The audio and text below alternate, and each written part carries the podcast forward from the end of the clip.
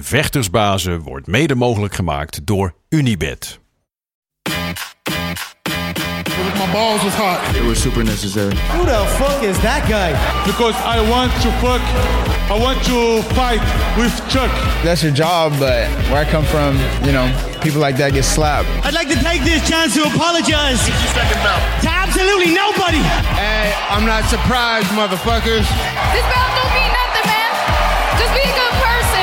That's it. Shit. Oh, y'all got pecan pie in this motherfucker too? Shit. Het is maandag 20 maart, aflevering 96 van de Gouden Kooi podcast staat voor de deur. En naast mij, zoals altijd en vertrouwd, de enige echte, de man, de myth, de legend, de hurricane, Gilbert Eiffel.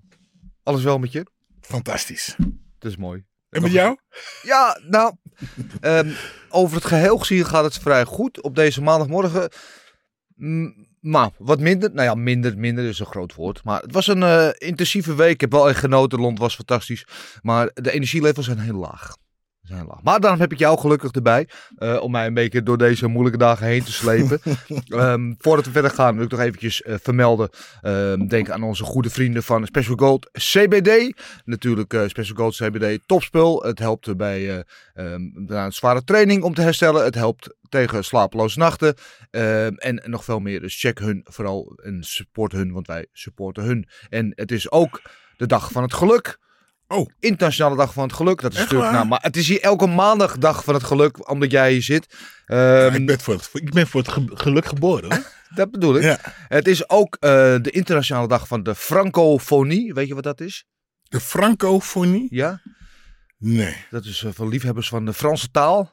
Oh ja, ik vind, Ja. ja, Spreek je een beetje Frans? nee, helaas. Ik ben, ik ben Haitiaans. Ja, En, eh, dan spreken ze Frans, toch? ik, spreek, ja, maar ik helaas niet. Maar ik Nee. vind het een geweldige taal. Ja, oké. Ja. Nou, van- misschien vandaag de dag om je erin te verdiepen. Eh, en het is ook de internationale dag van de mus. Ook weet je, die hele schattige kleine vogeltjes. Weet je trouwens wat een hele grote mus zegt? Maar goed, eh, alle gekheid op een stokje. We gaan natuurlijk eh, veel bespreken. Want het eh, ja, monumentaal evenement, mogen we toch zeggen, van UFC 286 in Londen. En stil, moeten we zeggen, Leon Edwards. Daar gaan we toch uitgebreid op terugblikken. Ik was de hele week in Londen, dus daar kunnen we wel wat over zeggen. Jullie hebben natuurlijk gekeken. We gaan natuurlijk sowieso de derde man in deze boyband er zo bijhalen.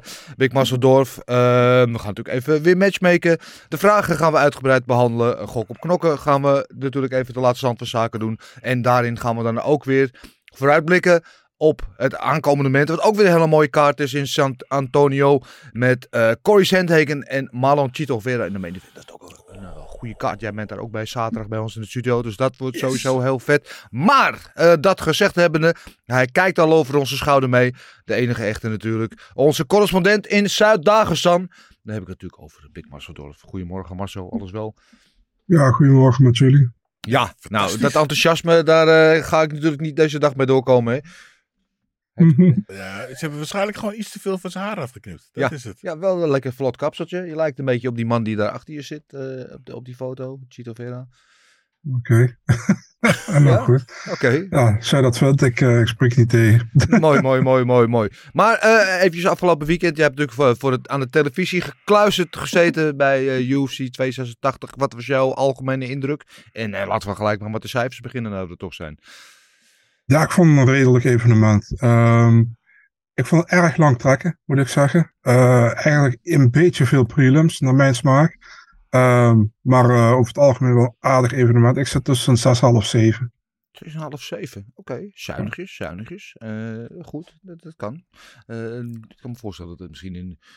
in- Terwijl er wel een, een dag gestaan op de kaart stond natuurlijk. Maar eh, Gilbert, wat, eh, wat was jouw cijfer en jouw algemene indruk van deze avond? Nou, ehm, ik vond het eigenlijk wel een leuk avondje. Ja, Vechten kijken. Het was trouwens nog eerder op tv dan ik had verwacht. Dus ik heb tv aan. Hey. Ehm, dus ik vond het leuk. Lekker ontspannen. Lekker vroeg op de avond. Mooi. Ehm, ik, eh, ik denk dat ik het een eh, 8. Ik geef het een, eh, een 8. Ik moet eh, helaas zeggen dat ik een paar wedstrijden een beetje heb gemist. Maar dat Ja. kwam misschien door mijn connectie. Maar verder, eh, ja, ik, eh, Ja, ik heb genoten. Dat was leuk. Ja, ik, eh, ik heb eh, lachend en helemaal op de laatste partij eh, echt eh, heel eh, met, eh, ja, wat noem je dat? eh, Gezonde spanning? gezonde spanning. eh, eh, samen met Dagestan heb ik geappt. Ik zat met hem te appen. Ja, ja, ja. ja, ja, ja, ja. En ja, nee, ik vond, ik vond het leuk. Ja, ik vond het een, een leuk, een leuk gala. Het was niet zo zoals vorige week. Hè. Nee. Het was echt vuur, voor iets meer vuur. Maar dit vond ik ook leuk, ja. Ja, ja, ja ik, ik, ik heb misschien een iets andere beleving dan jullie. Want ik was daar natuurlijk de hele week op de, op de, op de, op de grond, zeg maar. Mhm. Ehm, al die vechten natuurlijk de hele week gezien in het hotel. En dan heb je ook wat interacties en zo. Dus dan zit je er automatisch ook wat meer in. En wat jij zegt maar zo, veel prelims misschien. Maar in alle prelims ongeveer stond een Engelsman. En op één na alle Engelsen wonnen. Dus dat maakte het natuurlijk voor de algemene beleving. Vooral in de zaal. Maar Mhm, mhm. ja, ook voor ons die eromheen die er natuurlijk ja, de hele week bij zijn geweest. Maakte dat natuurlijk wel wat extra bijzonder. Dus dat gaf het wat extra cachet. Dus ik vond dat juist wel weer heel leuk. Want dat, je voelde de, de sfeer opbouwen, bouwen. Natuurlijk naar het grote Ja, moment van de ja. avond. eh, waar iedereen natuurlijk ook rijhalsend maanden naar uit had gekeken. De main event van de kampioen tegen Oesman. En de, de grote vraag. En ehm, daarom wij zeiden, ik zou 8,5 willen geven. Ehm, maar ja, de grote vraag die we natuurlijk allemaal hadden. Oesman tegen Edwards, die vorige keer, die high kick, ja, ja tuurlijk, maar was de wedstrijd aan het verliezen, Het was een Mhm. lucky shot, het was een Hail Mary, het was per ongeluk, weet je wel. En de rest van het ve- gevecht had hij verloren en dit gevecht zal nu weer zo gaan en dan gaat hij misschien wel verliezen. Dat was wat heel veel mensen dachten, hè? dat hoorde je zo een beetje de commentaren. Dus er stond heel veel spanning op Eh, en ook bij mij, want ik was heel benieuwd om te zien. En kijk, hij heeft nu, en eigenlijk heeft eh, deze overwinning, heeft die vorige overwinning nog wat meer power gegeven. Want het was dus niet een, een, een opname, een momentopname. Maar hij heeft hem nu gewoon over vijf ronden verslagen. Mhm, Weet mhm. je? Dus hij heeft gewoon laten zien dat hij gewoon gedegen is. Dat hij wel degelijk verdient de kampioen van de wereld is. En je kan over die wedstrijd zeggen wat je wil. Maar het was een hele close partij. Was spannend. Het was niet zo spectaculair misschien als die partij daarvoor. Gateje tegen Vizier. Maar dat wisten we allemaal van tevoren. Dat, dat sowieso Fight of the Night zou worden. Maar het was een partij waarvan we wel dachten dat hij heel close zou worden. En waar we allemaal benieuwd waren. Hoe komt Oesman voor de dag? dag? Is hij hersteld van die, van die knockout? Is hij mentaal hersteld? Eh, kan hij weer zijn eigen spel spelen? Wat gaat het thuispubliek met Leon Edwards doen? Eh, wordt hij omhoog getild? Krijgt hij een extra push? Of, of bevriest hij juist onder de druk en onder alle eh, felle lichten? En ehm, ik moet heel eerlijk zeggen, ik vond het Edwards echt een fantastische partij vocht. Ehm, ik vond Oesman wat onzeker. Ja. En Leon heel zeker. Maar ehm, ja, eigenlijk net zoals eh, de partij van eh, vorige keer, eh hoe heet die, de Merbab tegen Jan. Ja, Ehm, had Leon, Leon had gewoon heel goed zijn huiswerk gedaan. En hij kon gewoon. ehm, ja, hij liet Amaro, Camaro niet in zijn, in zijn spel komen. nee. Leon, ik vond hem niet per se de betere vechter. Mhm. Hij had gewoon een beter gameplan. Ja, waar, ja, dus, gameplan. en eh, hij kon dus die takedown stoppen, hij kon opstaan en kon gewoon lekker zijn trappen doen en lak- eh, zijn trappen geef- eh, geven. En daardoor ehm, ja, kwam hij eigenlijk geen, geen enkel moment in gevaar. En werd Kuma, Amaru, Kumaru, Oesman, Ja. Ja. eh, We snappen wie je bedoelt. ja, die, die, die. Nee, dat mag ik niet zeggen. Ehm, die kwam dus niet in zijn spel en die werd eigenlijk gefrustreerd. Een Ja. beetje steeds meer gefrustreerd, meer gefrustreerd. Ondanks dat hij het supergoed deed. En het, eh, Oesman de- bleef het supergoed doen. Ja. Weet je, maar... Hij eh, bleef in de wedstrijd tot op het laatste moment. Ja, ja, en, eh, en Leon natuurlijk ook eh, gedreven door het publiek, hè, wat we vorige keer al hebben gezegd. Ja, eh, het was gewoon een eh, leuk gevecht om te zien. En nu zag je ook weer dat eh, eh, het vechtershart ehm, en het talent eigenlijk eh, soms kan verliezen tegen een goede game, ja. game, eh, gameplan. Ja, maar je kan ook zo'n gameplan hebben. Als je het niet kan uitvoeren, dan heb je niks aan je gameplan natuurlijk. En Edwards heeft wel die capaciteiten en het talent. ik, en, ja. en de intelligentie ook. Want ik vond dat hij heel rustig bleef, goed Ja. bleef kijken. kijken.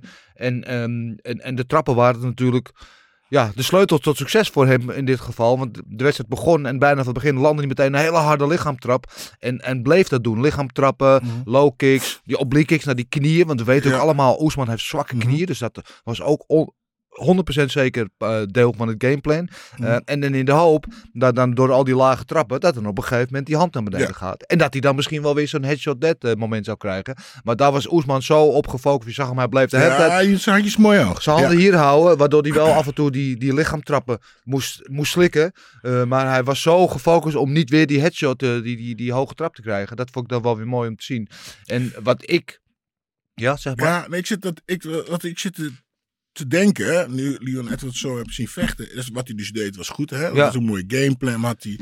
Ehm, maar hè, weer haalt dit niet het, de, het vechten Ja. uit de sport. Ja. Weet je, dus dat, die, dat, dat ze alleen maar bezig zijn met goede gameplans. En op die manier die partij te winnen. En ondanks dat het geweldig was Ja. natuurlijk.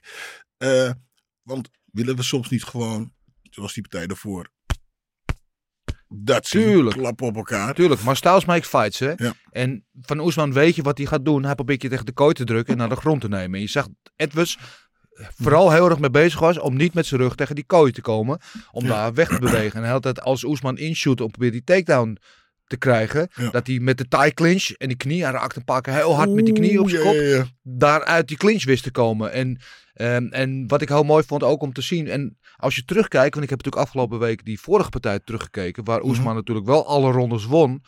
eh, en heel vaak die takedown scoorde. Maar bij, bijna al die takedowns wist Edwards heel snel weer op te staan. Mhm. Eh, wat ik heel knap vond als je er naar terugkijkt. En nu zag je dat eigenlijk weer. Want Oesman had heel veel takedown pogingen. Lukte niet Mhm. zo vaak. Maar die twee keer of drie keer dat het lukte.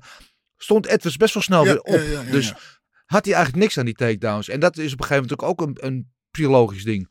En wat mij opviel, dat eh, Oesman die begon gas te geven in rond drie, rond vier. Hij, hij deed het, hè? maar hij kreeg dus niet voor elkaar, voor elkaar wat hij wilde.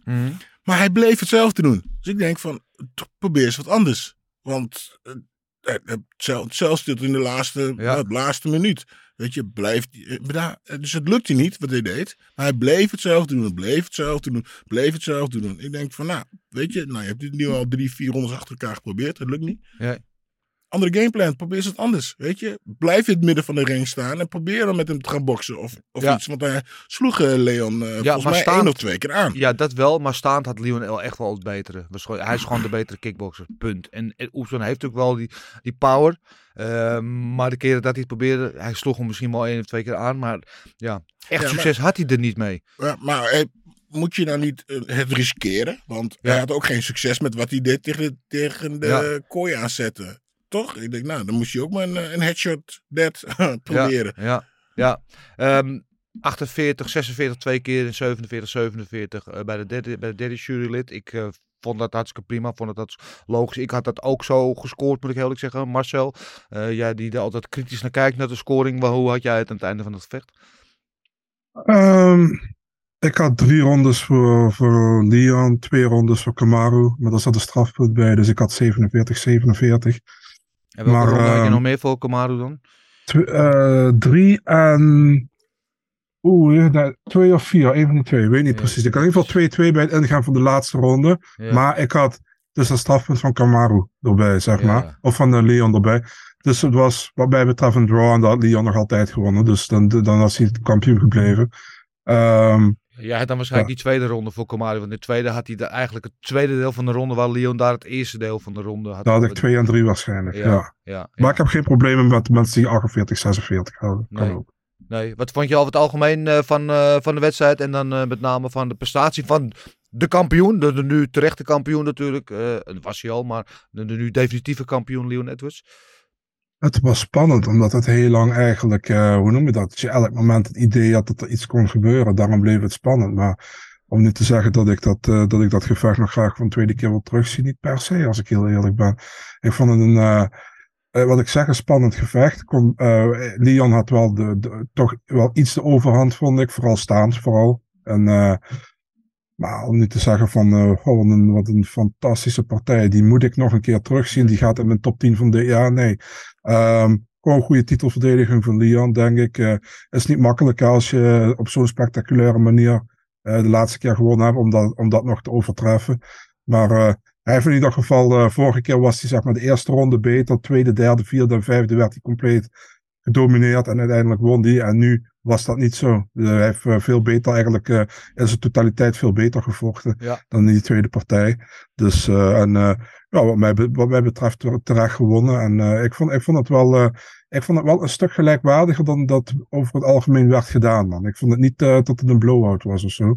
Een beetje werd gedaan alsof Ed was next level was en Oesman de gewezen kampioen. Maar ik vond het vrij gelijkwaardig en Ed was wel terecht gewonnen. Ja, maar van Edwards kan je zeggen, ik vond, ook zeker niet dat het een blowout was, maar ik vond Edwards wel over de gele linie beter en, en, en, en terecht dat hij de partij uiteindelijk won. Ehm, wat ik wel heel fascinerend vond voor Edwards, want Oesman is gewoon de op één na beste welterweight die er ooit geweest is. Als je kijkt naar resume, zijn dominantie tijdens zijn title reign, zeg maar, GSP is nummer één en dan heb je Oesman. Klaar, daar is, wat mij betreft is daar geen discussie over. Eh, en dat, dat is nog steeds zo, ook nu die twee keer rij van Edwards heeft gewonnen. Dat, CV dat blijft, weet je, dat is, zijn, zijn plek in historie is vastgebeiteld. En, Oesman, of, en Edwards heeft hem nu verslagen, twee keer. Eh, waarvan de eerste keer zou ik inderdaad kunnen zeggen vloek, maar nu heeft hij hem gewoon terecht op punten gewoon afgetroefd. Eh, en dat is iets wat we Edwards natuurlijk heel erg kunnen, eh, ja, mij kunnen feliciteren. Want hij is nu terecht de kampioen. En bij Oesman vraagt me een beetje af, hè, want hij is 36 inmiddels. We weten van alle fysieke ongemakken die hij heeft. De verhalen dat hij achter de trap af moet, omdat zijn knieën niet voor, vooruit de trap af kunnen. Dus ehm vraag me nu een beetje af, ja, wat gaat er nu verder met hem? Want weet je, vader tijd is onverslagen. En er komt natuurlijk een moment dat het verval is ingezet. En ik heb een beetje het gevoel dat dat moment nu bij Oesman is. En niet zo dat hij niet meer mee kan met de top, want hij zou nog steeds van de meeste in deze divisie winnen. Maar dat zijn echte hoogtepunt wel geweest is. En dat hij ook nu zijn X-factor, weet je, zijn overdrive in dit gevecht niet meer kon vinden. Waar hij dat voorheen wel kon. En ehm, ik denk ook niet dat hij nog terugkomt op dat niveau. Maar ik ben benieuwd wat jullie daarvan vinden. Nou ja, ik denk dat zijn niveau niet echt heel veel naar beneden is gegaan. Nee. Maar het, eh, het, het, het, zijn status van de onverslaanbare Ja, Oesman, oh my god, ik moet tegen hem. En Leon heeft in die laatste minuut van die tweede partij laten zien van, oh hij is toch kwetsbaar. ja, En nu gelooft hij er helemaal in. En nu, ja, en, en nu geloofde Oesman niet echt meer, heel erg meer in zichzelf. En ik, ik denk persoonlijk wat er gaat gebeuren. Ik denk misschien vecht je nog één of twee partijen voor de Mhm. Maar ik denk dat hij, ik denk dat hij een acteren, acteren carrière tegemoet. Hij ziet er goed uit, weet je. Hij is eh, net iets knapper dan mij. Dus, hij praat goed. En ik was Ja. heel erg onder de indruk van hem hoe hij de hele week ook gewoon met alles omging. Hè? Want bij de persconferentie en ook tijdens het evenement werd hij uitgejouwd. Weet je, en de- als 20.000 mensen roepen headshot dead, headshot dead. Weet je, en hoe die door alles gewoon rustig zijn focus hield. en zo was echt van onder de indruk hoe hij daarmee omging. En het enige waar ik een beetje bang voor. En hij was heel waardig in verlies. Ook achteraf. Hè? Hij had wel, eh, echt een kampioen ook als verliezer. Eh, daar was ik heel erg van onder de indruk. Wat ik een beetje bang voor ben en wat ik hem niet gun. Is dat hij zo Tyron Woodley wordt. Want Tyron Woodley was in zijn periode echt een hele goede welterweight ook. En Mhm. nu herinneren we hem alleen, alleen nog maar als de man die knock-out ging tegen Jake Paul. Terwijl Tyron Woodley was toen hij kampioen was, was hij ook supergoed. Totdat hij verloor van Oesman. En toen won iedereen van hem. Mhm. En, en toen was hij soort van loslopend wild. Ja. En ik, ik gun Oesman dat niet dat hij diegene wordt die dat ook moet ervaren. Marcel, wat eh, zie jij voor eh, Oesman in het verschiet liggen nu? In, het, eh, in de toekomst? Ja, dat is heel moeilijk, man. Vooral door de matchups wat de UFC gemaakt heeft op dit moment. Hij heeft eigenlijk, kijk, tegen eh, Covington heeft hij twee keer gevochten. Eh, tegen Edwards gaat hij niet een derde of een vierde kans eh, krijgen. Ehm, ze gaan waarschijnlijk Mohammed tegen Rachmanov maken. Dus Mhm. ook die twee niet. Burns tegen Masvidal heb je. Ja, dus eigenlijk iedereen staat daar boven. Thompson zie ik niet gebeuren, want Thompson heeft al gezegd dat hij wel klaar is met die worstelaars allemaal. Mhm. Dus dan, dan zou je al of hem tegen bijvoorbeeld een... eh, kijk, Jeff Neal heeft pas verloren van Rachmanov, dus dat wordt het ook niet. Dan zou je hem dus al of tegen een, eh, iemand moeten zetten waarvan je denkt van... Daar zie ik in de toekomst een hele grote in worden en die wil ik die kans geven. Dat zou een Jack Della Maddalena zijn. Mhm. Wil Oesman dat accepteren? Het lijkt me sterk. Of je moet wachten dat bijvoorbeeld op die partij op 7 april tussen eh, Pereira en Adesanya. omhoog Als? Pereira, ja precies, als Pereira wint, dan kan hij naar middleweight. Want hij wil niet naar middleweight als Adesanya kampioen is. Nee. Want dat zijn maatje is. Dus dat zou wel kunnen. Maar dan zou hij dan moeten wachten. Maar het is één van de twee, denk ik. Want op dit moment is bijna iedereen geboekt. Of hij heeft al één of twee keer tegen gestaan een beetje. Dus het is een beetje een... eh, hij zit in een moeilijk eh, parket, denk ik. Ja, Ja, en, en moet je heel eerlijk zeggen, ik, bedoel, ik snap die route, hè, dat hij in de middleweight, dat hij daar, want dat hij van Pereira wint, acht ik helemaal niet onwaarschijnlijk. Met zijn worstelen, want Pereira worstelen is non-existent.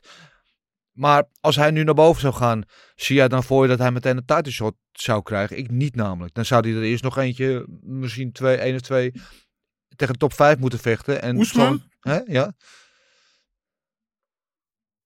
Nee, ik denk, eh, eh, echt, ja. Ik denk, ehm Oesman, eh zoals ik zeg, glas is dat nou een, een barst in zit. Mm. Bloed in het water. Ja, een, een glas Ja. waar een barst in zit, dat Ja. weet je, dat kun je misschien nog één of twee keer drinken, maar dan, weet je. Dat, dat denk ik. Ik heb niet zoiets, ik heb nou niet zo van, eh, ja, zo weet hij heeft last van zijn knieën, hij heeft dit, hij heeft dat.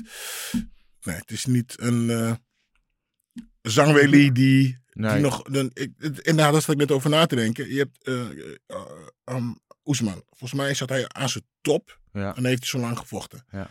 En dan komen al die top nieuwe geweest, mensen komen. Pam, pam, pam, pam. Hij is nooit gaan groeien. En ik denk ook niet die kan groeien. En nu komen de mensen die... Dit, is een Leon Edwards. Kan nog een stukje naar boven gaan. Totdat hij aan zijn top zit. En dat idee had ik ook met eh eh Valentina. Die, die kwam ook... Zat hier. Hè? En iedereen kwam maar niet, kwam maar niet, kwam maar niet. Maar nu langzaam, komen ze langzaam. allemaal toch. En, volgens, en zal dat het zijn met sommige van deze vechters? Dat ze aan de top zaten en niemand kon erbij. En dat ze nou in worden gehaald. En niet met tijd, maar gewoon omdat het... Ja, de vechters worden gewoon beter. Hij en hun kunnen niet beter worden. Zal dat, is dat een dingetje? Ja, dat kan. Dat kan. Ja, tuurlijk. Op een gegeven moment eh, bereik je je plafond. En eh, anderen kunnen dan naar dat niveau toe groeien. En als jij misschien een paar procentjes inboet, dan kan dat in zo. eh Oesman is wel mentaal echt super sterk. en wat hij ook doet, in dat of je films gaat doen of eh, iets anders als analist of coach of wat dan ook. ehm, ik denk dat hij heel veel in zijn mars heeft nog. Dus ehm, als het ligt te doven, dan hoeft het zeker niet afgelopen te zijn voor hem. Ik denk zijn toekomst sowieso wel gebeiteld. En bovendien heeft hij natuurlijk een legacy die hij achterlaat. En ik heb het idee dat hij ook wel wat centjes heeft verdiend. Dus ehm, we hoeven ons over hem geen zorgen te maken. Geen zorgen hoeven we ons ook niet te maken om eh, Justin Gaethje. Tegen VCF, zeiden het al van tevoren, dit wordt Fight of the Night. Die bonus hadden ze van tevoren eigenlijk al wel over kunnen maken. En het werd eigenlijk precies wat we ervan verwachten. Twee gasten die elkaar gewoon in het midden van de kooi ontmoeten en gewoon bommen gingen landen. Waarvan VCF in de eerste ronde, anderhalf, echt, echt fantastisch was. Met zijn snelheid, Gaethje, continu aftroefde. En ergens halverwege die tweede ronde vond Gaethje zijn- zijn ritme. En die kwam hij los en begon hij te landen. En toen ging VCF, die, die, die, ja, die, die doofde wat. Die, die veden een beetje. En, en Gaethje in die, in die derde ronde, geloof dat die vierde, vijfde die op zou landen. denk ik, mijn hemel, wat een monster ben jij toch. En ja, wat een ongelooflijk gevecht. Ik denk dat jij, Gilbert, ondanks dat het geen finish was... Ja, Ik was wel blij dat er geen finish was, want ik wilde zo lang mogelijk van deze partij genieten. Maar dat jij hiervan genoten hebt. Ja, absoluut. En dan komen de twee dingen naar me, in mij in, naar Ja? boven. En dan, nou, niet om mijzelf te, over mijzelf te hebben, maar zo gaat het meestal als ik met die nieuwe jonge jochies aan het sparren en dingen ben. Dan in de eerste ronde denk ik, oeh. Tweede ronde denk ik, oeh. Denk ik, maar denk ik, wacht maar. Vierde, vijfde ronde. En dan wordt het, neem ik het over en dan sloop ik ze. En hier gebeurde dat ook. Rafael, die, eh, eh, die was gewoon, ja, volgens mij zelfs tweede, de- die trapte gewoon Justin in elkaar. En hij had het gewoon toen af moeten en kunnen maken. Maar toen gebeurde er in één keer wat. Ik weet niet, eh, misschien brak zijn neus of iets. Ik weet niet wat er gebeurde, maar in één keer liep hij tegen de muur op. En toen eh, ging Justin die van, oké, Ja. nu ben ik aan de beurt. En dat, dat contrast was eigenlijk, eigenlijk zo, je zag hem echt van hier in één keer zo echt kelderen. Ja. Bam! En ja, ik weet niet, misschien weet Marcel wat eh, of er iets was. Had hij een blessure, brak hij zijn hand of zo. Of was het gewoon, ja, dat hij toch te veel hooi op zijn voort had genomen. Ja, ik had ook het een beetje het idee dat het momentum shifte. Er was een moment met die eye-poke. Niet bedoeld, ik zeg helemaal niet dat Gaethje dat heeft gebruikt. Mhm. Maar dat was wel een beetje, voor mijn gevoel, het moment dat de partij een beetje kantelde. Dat Mhm. Gaethje daarna wat meer in zijn ritme kwam. En daarna de wedstrijd ook overnam. En, en uiteindelijk ook terecht won. Mhm. Ja, en eh ja, eh, Fischer was zo goed in die eerste paar rondes, maar in één keer, ja, het kwam er niet. Het, nou goed, nogmaals, wat was het? Conditioneel was het toch eh eh, eh, eh, brakkie, omdat Justin gewoon terug bleef vechten. Geen idee, maar Justin deed het gewoon heel goed. En die, en die heel, ja, stoor, hoe zeg je dat? Stoïcijns? Ja, Kwam die naar voren en die bleef beuken, opstoot, hoek, opstoot, opstoot, ja. Ja. Top, geweldig. Ik vond het eh, een goede partij. En eh, ik had niet verwacht dat hij in één keer zo om zou kanten had. Ik Nee. het nooit verwacht. Ik ook niet. Maar dat geeft me alweer aan wat een knokker en wat een, wat een warrior die Justin Gaethje is. En ik vond het mooi, want we hebben hem afgelopen week ook geïnterviewd. En je merkte de hele week dat hij heel getergd was. Mhm. Want de commentaren waren vooraf allemaal een beetje... Gaethje is, is een gatekeeper, Mhm. weet je wel. En het is wisseling van de wacht. Visiev de nieuwe garde. Gaethje die oude garde. En Visiev komt zijn plekje innemen. Zo, je merkte dat hij daardoor heel erg getergd was. En het mooie, we hadden Oesman in de, in de interviewkamer vooraf. En die zei van, Gaethje is een speciaal soort mens. Als hij een arena binnenloopt, er zitten 20.000 mensen... En 19.999 mensen juichen voor hem. En er zit één iemand die boer roept, Ja. dan maakt hij kortsluiting en dan wil hij naar de oorlog. Dan, wil, Ja. dan wordt hij helemaal gek. En wat ik opvallend vond, toen, toen ze allebei opkwamen, dat natuurlijk hij kreeg applaus. Mhm. Maar het luidere applaus was voor Versier. Versier Mhm. was de meer de Mhm, mhm. op dat moment dan Gaetje, wat ik opvallend vond. En ik- ik weet zeker dat dat hem getriggerd heeft. En helemaal aan het begin dat, Gae, dat Versier natuurlijk de partij nog aan het winnen was. En, en het publiek daarop reageerde. Ja. Zal dat ongetwijfeld wat bij hem hebben losgemaakt. En Marcel, meneer eh, 6,5. Ik kan me toch niet aan de indruk onttrekken dat jij hier ook van genoten hebt van deze wedstrijd. Ja, meneer 6,5. Maar ik kijk naar de hele kaart. Hè. Dit was eh een van mijn twee favoriete gevechten op de kaart, denk ik. Eh, ja, wat is- ik bedoel, uh, Fiziev begon echt heel goed. Weet je, Ehm, eerste ronde duidelijk naar hem volgens mij. Eh, gewoon, en, en Gaethje bleef ook gewoon continu komen. En ik vond het eigenlijk een geweldige partij.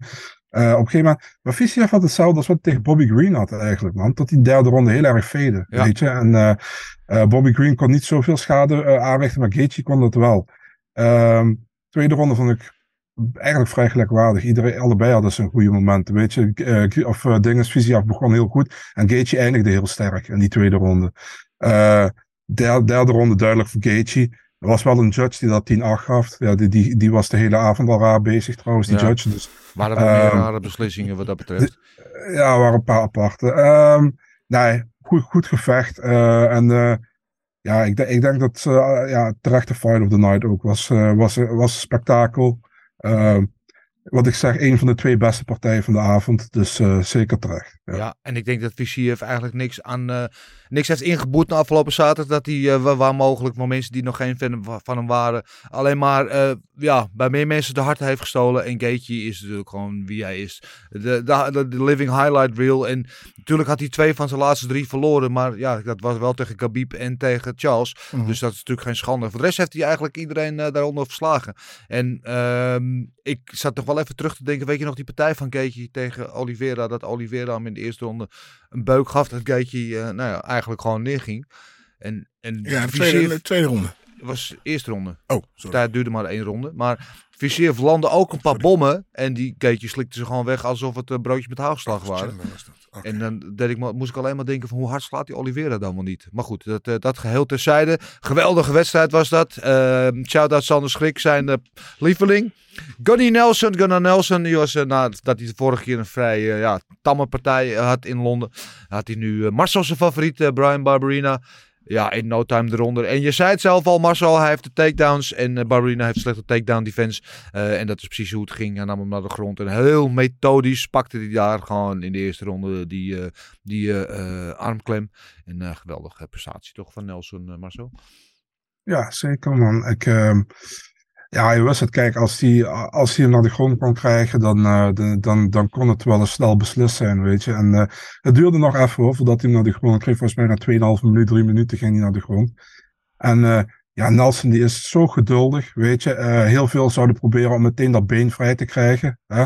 Maar hij was gewoon echt gewoon eerst aan het werken om zijn positie goed te krijgen. Vervolgens had hij dat been los. En volgens mij had hij toen nog 20, 25 seconden ja, om nog iets, om iets te doen. En hij pakt hem gewoon met die armbar. Dat was ook de enige mogelijkheid nog. Op een special rear naked choke, daar was te weinig tijd voor. Maar hij pakt die armbar ook nog. Dus ja, hij heeft die echt heel netjes gedaan. En eh, ja, ik vind het heel vervelend voor, voor eh, Barberina.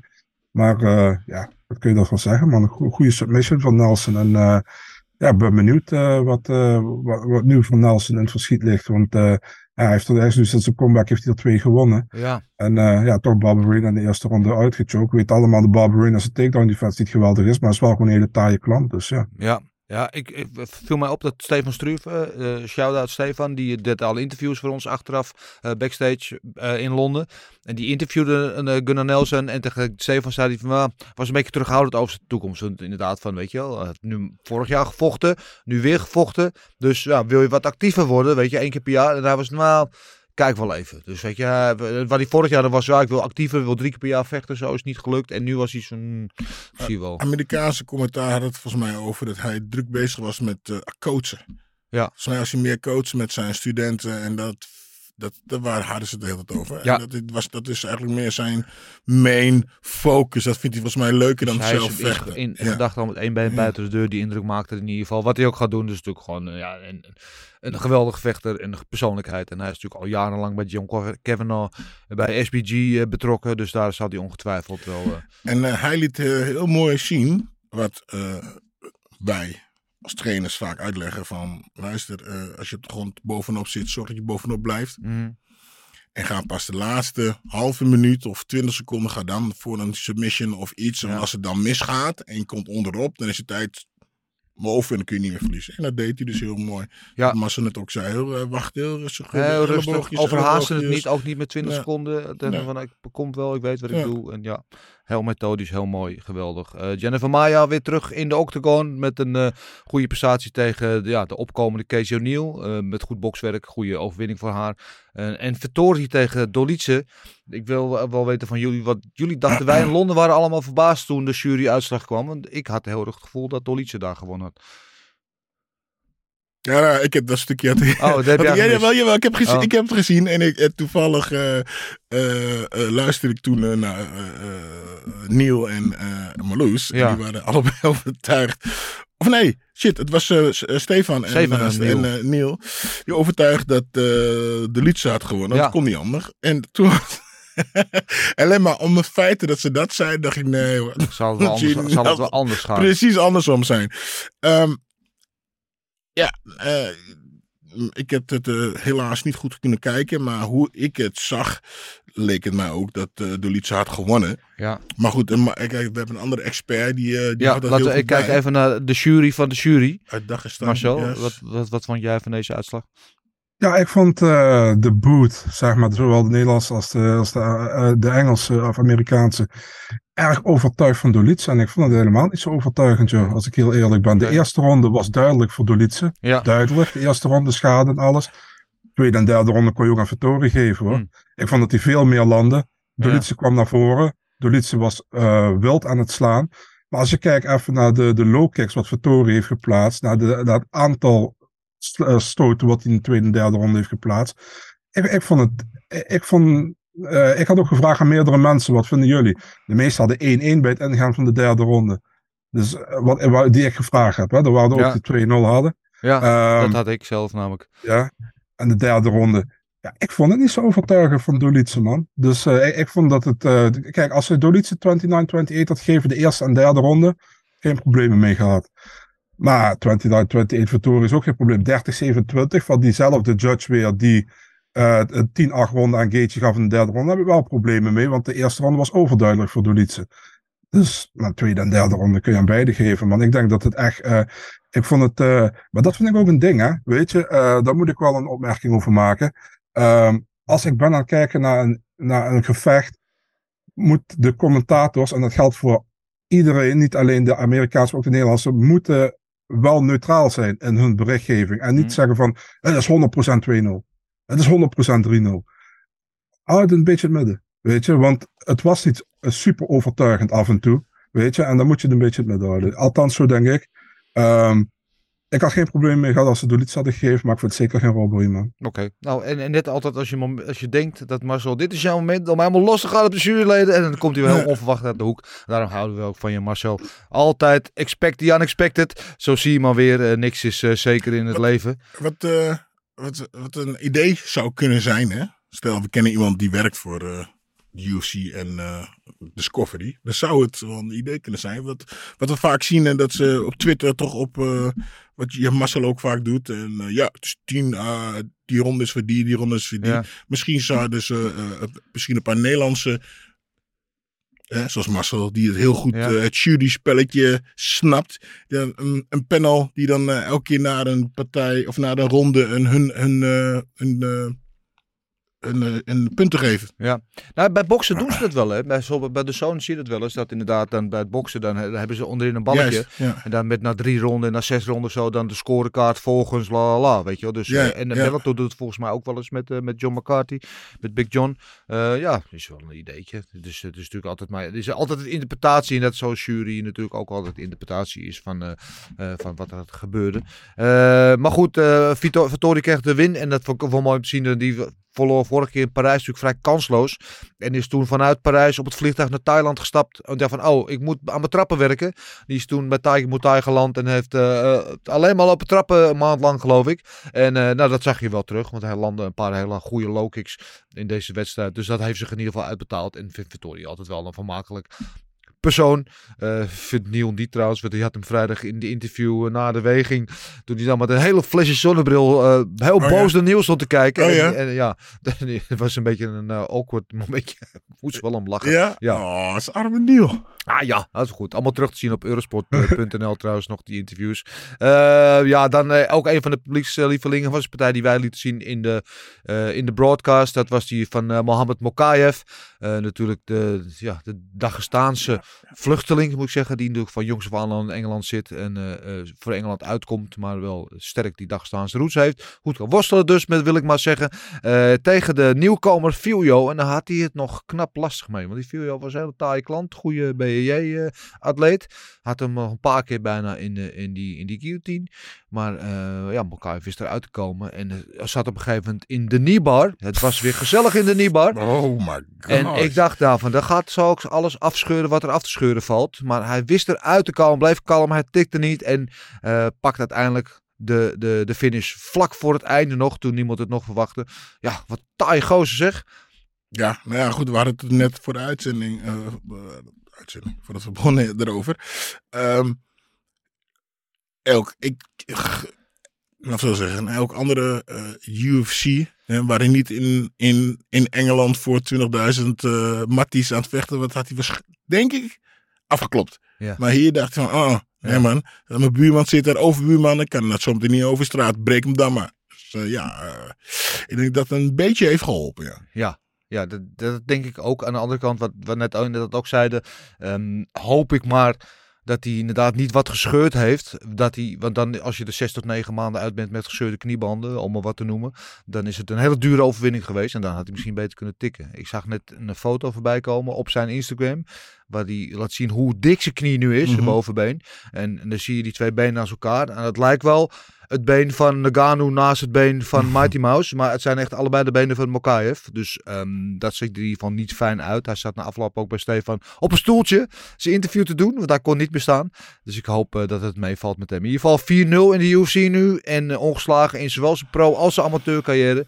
En hij verwacht zelf dat hij binnen een jaar kampioen is. En dat hij daarmee John Jones gaat aftroeven als de lang, eh, jongste kampioen ooit. Ik weet niet of hij dat gaat halen. Maar dat hij toekomstige kampioen is. Dat denk ik toch wel Marcel. Hij heeft toch wel alles in zijn mars. Ja, dat wel. Hij zei ook na afloop van I rather break my leg than I have a loss on my record, zei hij. Dus ehm, ja, weet je. ehm, eh, en het is, het is maar goed dat hij gefinished heeft, joh. Want ik zag de scorecards na afloop. En eh, twee judges hadden het 1-1 in het gaan naar de derde ronde. Ja. Dus ehm, dat, dat was nog penibel misschien geworden. Eh, heb- en er zat een heel raar moment joh, in de eerste ronde. Ik weet niet of jullie het gezien hebben. Waar die op een gegeven moment, zeg maar, na, eh, na, eh, hoe heet het, met Filio gaat hij omlaag, volgens mij. En dan zit hij gewoon in zijn guard.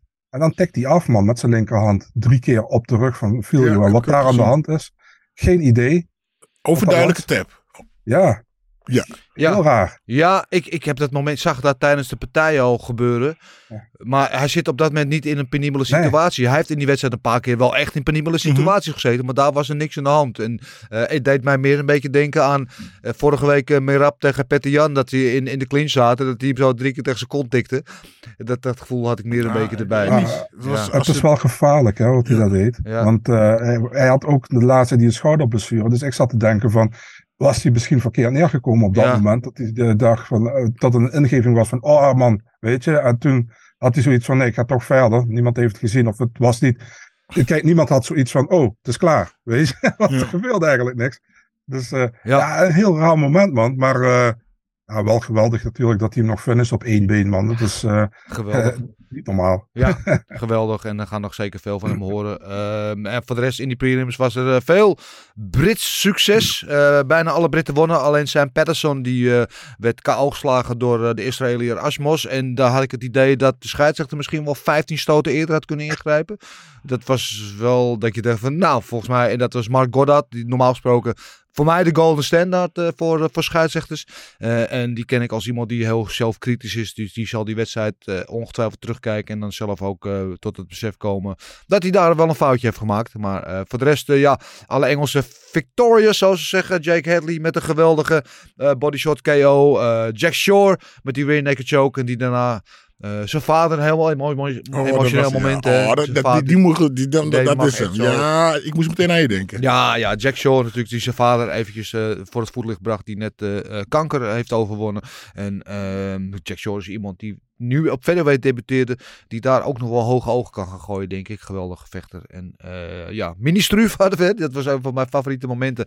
Eh Dusko Todorovic, die wij altijd een uh, empathiecomité in onze appgroep, die noemen wij altijd mini-struven. En die heb ik dus daar door Steven laten interviewen, alleen maar gewoon om grote struven en mini-struven naast elkaar eh, te zien. En staat Steven dan, eh, ja, voor mensen die dat niet weten, Steven staat, gewoon, staat met benen wijd, staat Ja. interviews te doen. Ja, in de Jan-Joos van Gangelen stand noem ik dat Maar altijd, ja. Waarom? Het is toch juist zo grappig om die, dat, de grote Stefan met die kleine mensen te zien? Ja, dat is misschien wel leuk, maar voor de cameraman is het vrij onmogelijk om dan twee mensen behoorlijk in beeld te krijgen. Dat is Wat- niet echt te doen. Kunnen jullie dan niet volgende keer gewoon een, een soort van opstapje zetten? Dat ze daarop gaan staan. Dan is het juist helemaal leuk. Jawel, maar kijk, er zijn twee opties in zo'n situatie. Hè? Of Stefan doet het Jan-Joos van Gangelen, Ja.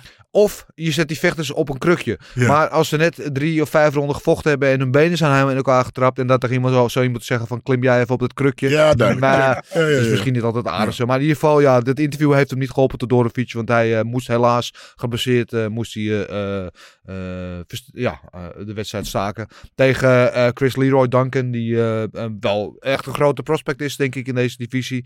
Eh Leroy Murphy met een goede, mooie overwinning tegen Santos natuurlijk. Het was ook die op het laatste moment inviel, maar die daar zeker eh, zich eh, niet onbetuigd liet. Was ook geweldig.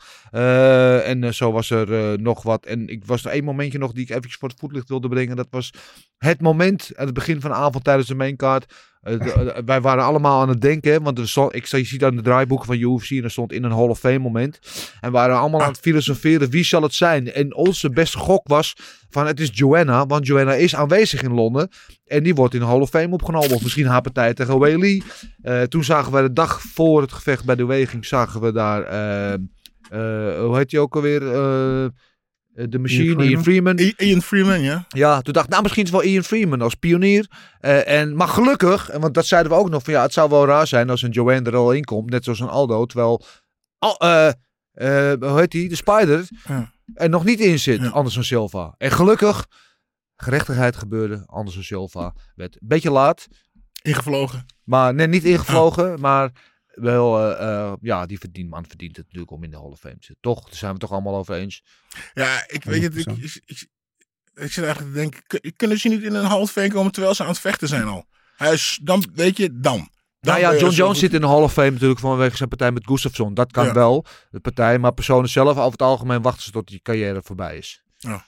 Maar Aldo, die had eh, nog niet de octagon verloren, eh, verlaten en die zat al in de Hall of Fame. Hmm. En, en, en Anderson Silva is daar natuurlijk al iets langer weg en die kwam er nu pas in. Maar goed, anyway, eh, gelukkig dat ze dat hebben rechtgezet. Trouwens, Dennis. Ja, hoe was de sfeer toen het licht uitviel?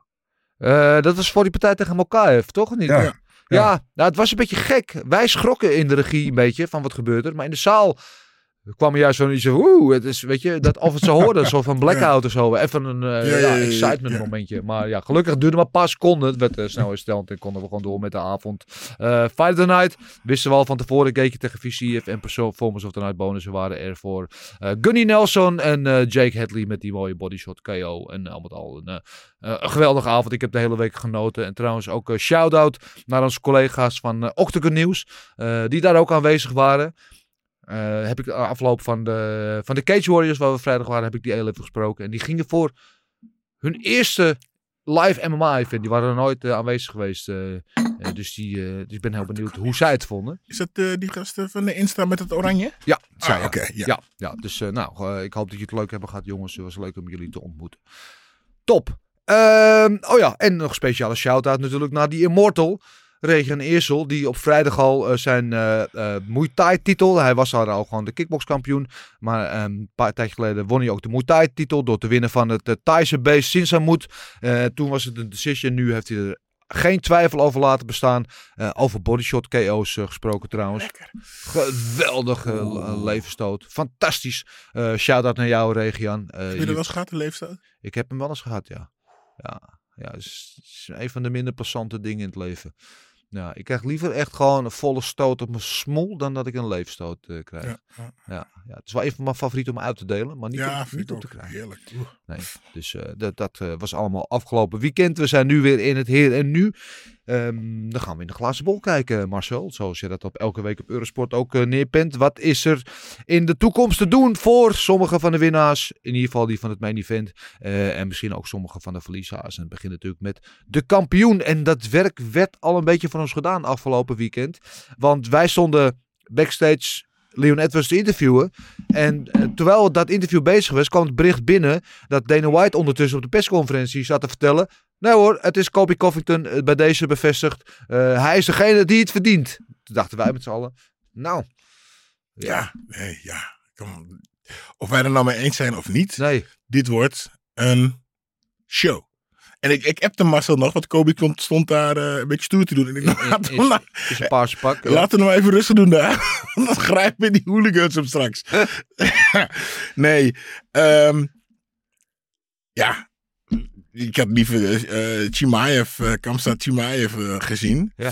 Maar ja, dit wordt ook wel leuk. Maar dit wordt natuurlijk, eigenlijk, dit, eigenlijk volgens mij wordt het hele gebeuren eromheen leuker ja. dan, het, uh, dan de wedstrijd zelf. Maar, eh, Kobe is natuurlijk heel erg extra vakant.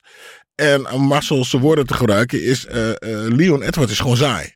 Ja. hij zei zoals hij vecht, hij zei zoals hij praat, hij zei zo. Mm. Dus dan, ja, dus dan kan het dus ja. geweldig. Ja, die, die opbouw kan natuurlijk wel mooi zijn. Maar kijk, hier, kijk, Kobe die heeft anderhalf jaar, of wat is het de laatste keer dat hij gevochten heeft, aan de kant gezeten. Uh, toen hij, weet je wel, nou, ik weet het niet. Die man heeft niks gedaan. Ze hebben te wachten, te wachten, te wachten. Weet je, verdien je dan een title shot? Absolutely deserved, zei uh, Dana White ook nog.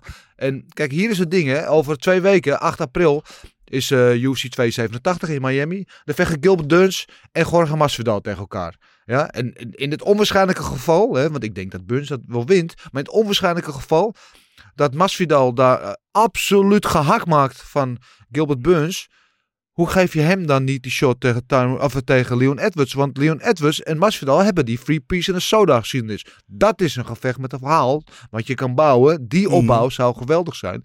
En wat ik het een beetje het wrange hieraan vind, Leon Edwards is de kampioen, die zou daar ergens toch wel een zegje in moeten hebben. Wie die nu wil uh, nee. feesten. Maar dat is dus niet zo, want uh, hij hoort gewoon achter zijn rug om. Dana White heeft bevestigd, jij gaat nu tegen Colby Covington.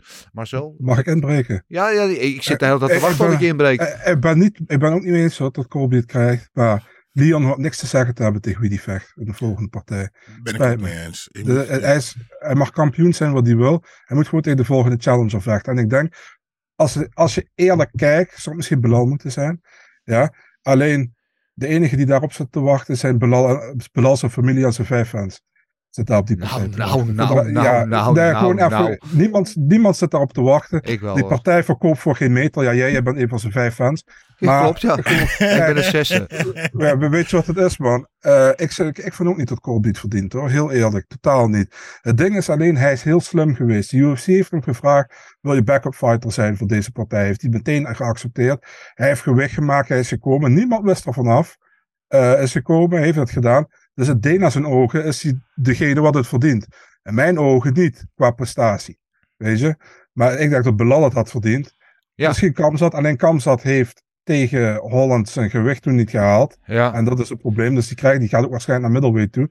Ja, dus ja, Belal ook. had het verdiend. Ja, Belal had het verdiend. Of Burns als hij wint van Ma Masvidal. Denk ik. ik vind ook niet dat Masvidal het verdient. Ook niet als hij van Burns wint. Nee, maar kijk, ik, ik ben het in die zin met jullie on, on- Natuurlijk moet je tegen de volgende challenge vinden. Maar ik vind wel dat de kampioen daar een zegje in moet hebben. Er zijn natuurlijk altijd meerdere opties. En ik vind dat je als kampioen het recht hebt verdiend om in ieder geval jouw eh duit in het zakje te doen of wat er moet gebeuren. Met wel als voorwaarde, het moet wel logisch zijn natuurlijk. Maar in het geval van Masvidal, ik vind het ook niet, want die heeft er geloof drie van zijn laatste vier verloren. Dat het niet per se logisch is. Maar als hij daar absoluut een fantastische prestatie neerzet tegen Leon Edwards. Kijk, hij, eh, Masvidal zit een beetje in de Nate Diaz natuurlijk eh, contouren, weet je, qua, qua bekendheid en stardom. Dat verhaal is daar. Ze hebben een verhaal. Ze hebben die free piece en zo. En Leon Edwards wil dat ook heel graag. Hij wil graag dat verhaal rechtzetten. Want hij voelt... dat is- Ja, Dat snap ik dat hij dat Ja, wil. Ja. Want dat is voor hem een makkelijke partij, om heel eerlijk te zijn. Ja. Maar van Masvidal, dat- van Masvidal wint hij. Dus, eh, dat weet je ook. Daarom Ja. wil hij dat ook. ja. Maar Ja. eh, eh, niemand, waarom zou ik dat willen zien, man? Lian tegen Masvidal. Ik, ik, ik, ik ben daar totaal niet in geïnteresseerd. Ik, Echt niet. Ik, ik wil de beste tegen de beste zien. En dan denk ik dat Belal zijn rematch verdient tegen Lian. Nou, die gaat hij niet maar wie, wie, wie wil je tegen wie zien? Ik had eigenlijk, kijk, als ik Nee, wat zei je nou net? Belal tegen Lian. Nee, de, de beste tegen de beste. Eh, eh, nee, maar, nee, maar ik wil Belal tegen Lian verdient, verdient het wel hoor. Belal Ja. verdient het, maar Ja, weet je- vind ik ben niet geïnteresseerd verder in die partij, maar hij verdient het wel. Kijk, wat ik denk dat UC eigenlijk moet doen is gewoon... Kijk, je hebt kampioen. En die moet gewoon tegen de meest volgende logische gaan vechten. En die moet gewoon niet piepen. Mhm. Want je bent kampioen, moet van iedereen kunnen winnen. Maar de UFC is natuurlijk entertainment en slim. En die Ja. wil het geld verdienen. En die, die kiezen gewoon wat hun denken dat het beste is. Waar hun het meest geld mee gaan verdienen. Dat is nou eenmaal helaas zo. Ja. Dat is gebeurd. En daar hebben we eigenlijk, ja. Maar goed, Ja. dat is... Maar goed, Ik, ik, ga weer even inbreken. Waar- waarom denken jullie dat Dana Belal tegen Shafkat gaat zetten? omdat die hoopt dat Shafkat gehakt van hem maakt. Uiteraard, daarom, dat bedoel ik. Omdat Belal voor geen meter verkoopt. En Nee. omdat hij heel, heel, helemaal niet populair is door zijn manier van vechten over het algemeen. Al heeft hij geweldige finish gehad tegen Brady. Ik wou net zeggen, Laat was het toch wel een prestatie. Was zijn Ja, break, dat- eh, dat- breakthrough fight.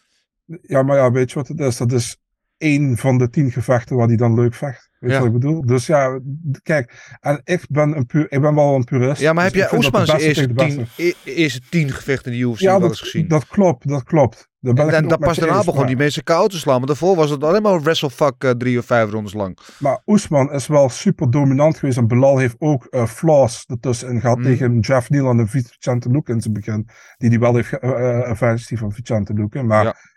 da- daar vind ik wel nog een verschil tussen zitten. Maar ik ben het met je eens. Belal zou het moeten krijgen qua prestatie, 100%. Dankjewel Marcel dat we dat even hebben uitgesproken. Gelukkig. Eh ja, Oesman hebben we het net al een beetje over gehad. Hè. Daar, ja, is, we zitten een beetje in een lastige situatie. We zullen afwachten wat hij gaat doen. Ik ben wel benieuwd wat jullie denken. Wat er eh, op het programma zou moeten staan nu voor de highlight.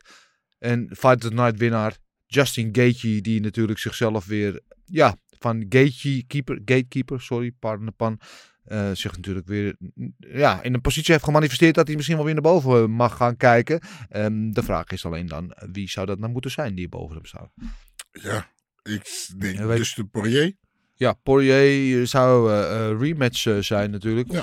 Ehm, dat zou kunnen. Eh, we weten natuurlijk dat Charles anders? Oliveira vecht al tegen... eh, dat, is dat nou al eens een keer bevestigd trouwens? Ja, man, is officieel. Is officieel? Ja. Wie? Voor main event voor, die, voor dat evenement. Charles Oliveira tegen Poirier? Darius. Darius, Darius, ja. ja. Tegen Benil Darius. Dus dat, dat is out of the equation. Dit is niet haalbaar. Ehm Poirier zou goed. Maar aan de andere kant, ja, je zou misschien ook wel eens een keer willen dat hij een nieuw matchup. Want de kritiek juist op die top 5 is, is dat die gasten maar tegen elkaar blijven vechten.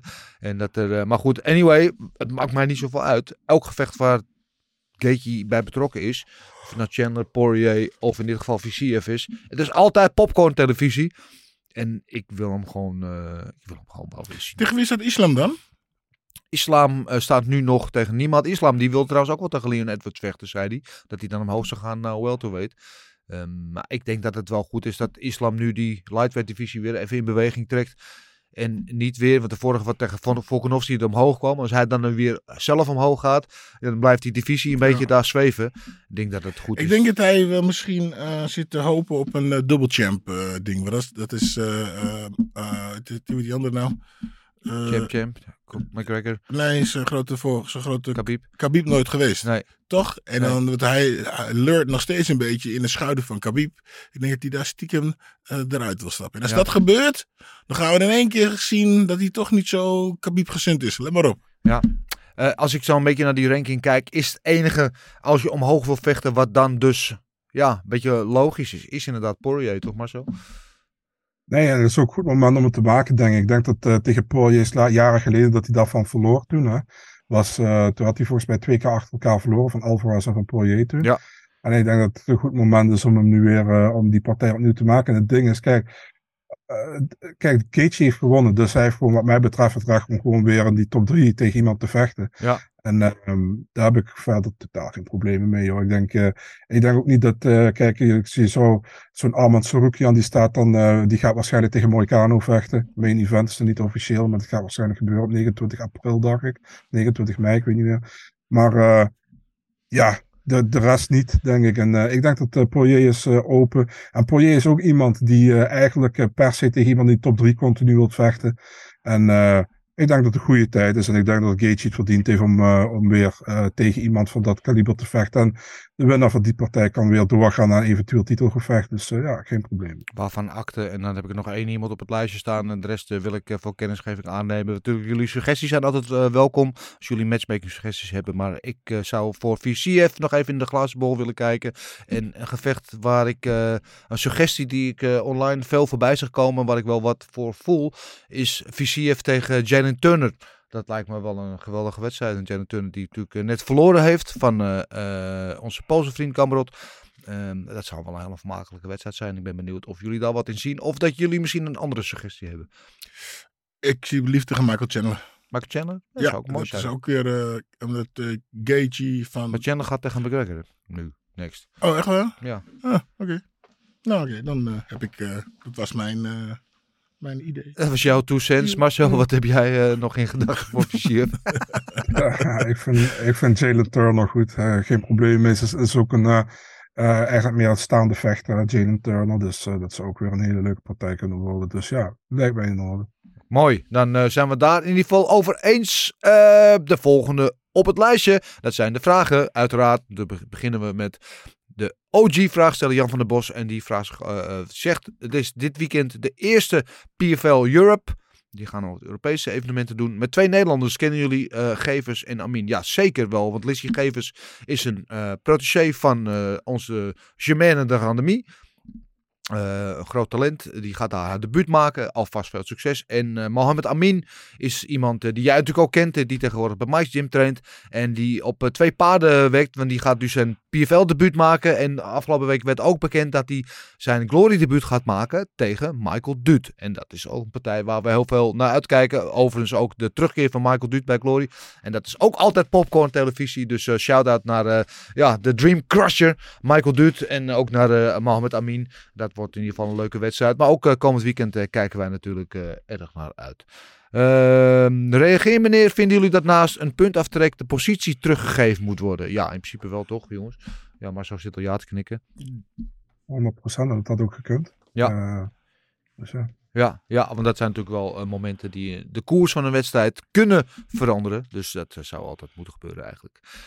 Dandy BJ, wat een dik e event. Uh, en stil. Dennis, welke vechter wil je ooit nog een keer voor de camera krijgen?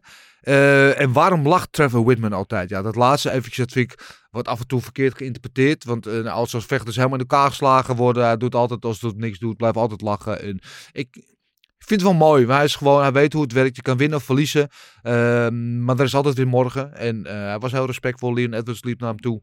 En um, hij lachte en hij feliciteerde hem en hij was gewoon heel sportief. En uh, dat is natuurlijk ook, natuurlijk heeft hij wel inwendig waarschijnlijk de, de, de P in. Maar het is toch mooi.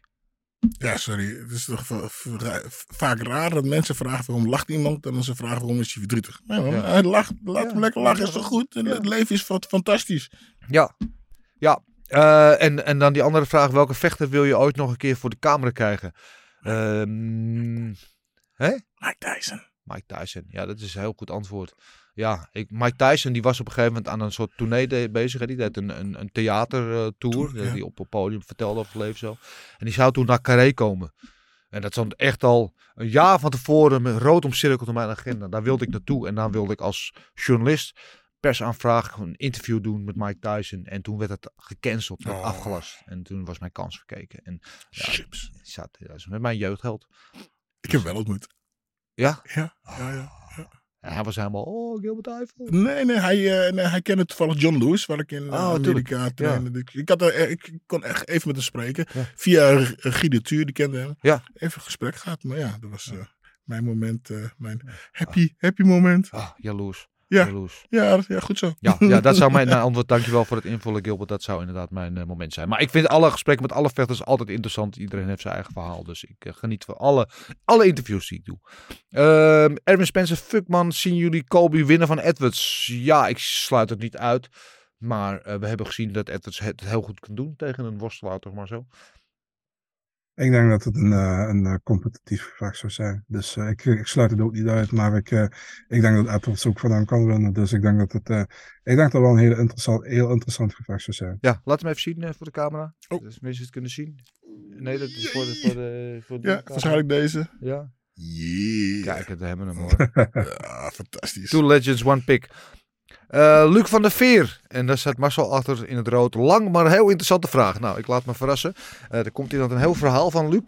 Eh, die is bezig aan zijn memoires, denk ik. Eh, op welke punten wordt er gejureerd? Door rare jurybesluiten of commentatoren die tijdens het commentaar meescoren? Snap ik er niets meer van. Naar aanleiding van Vittori versus Dolice zou je kunnen zeggen...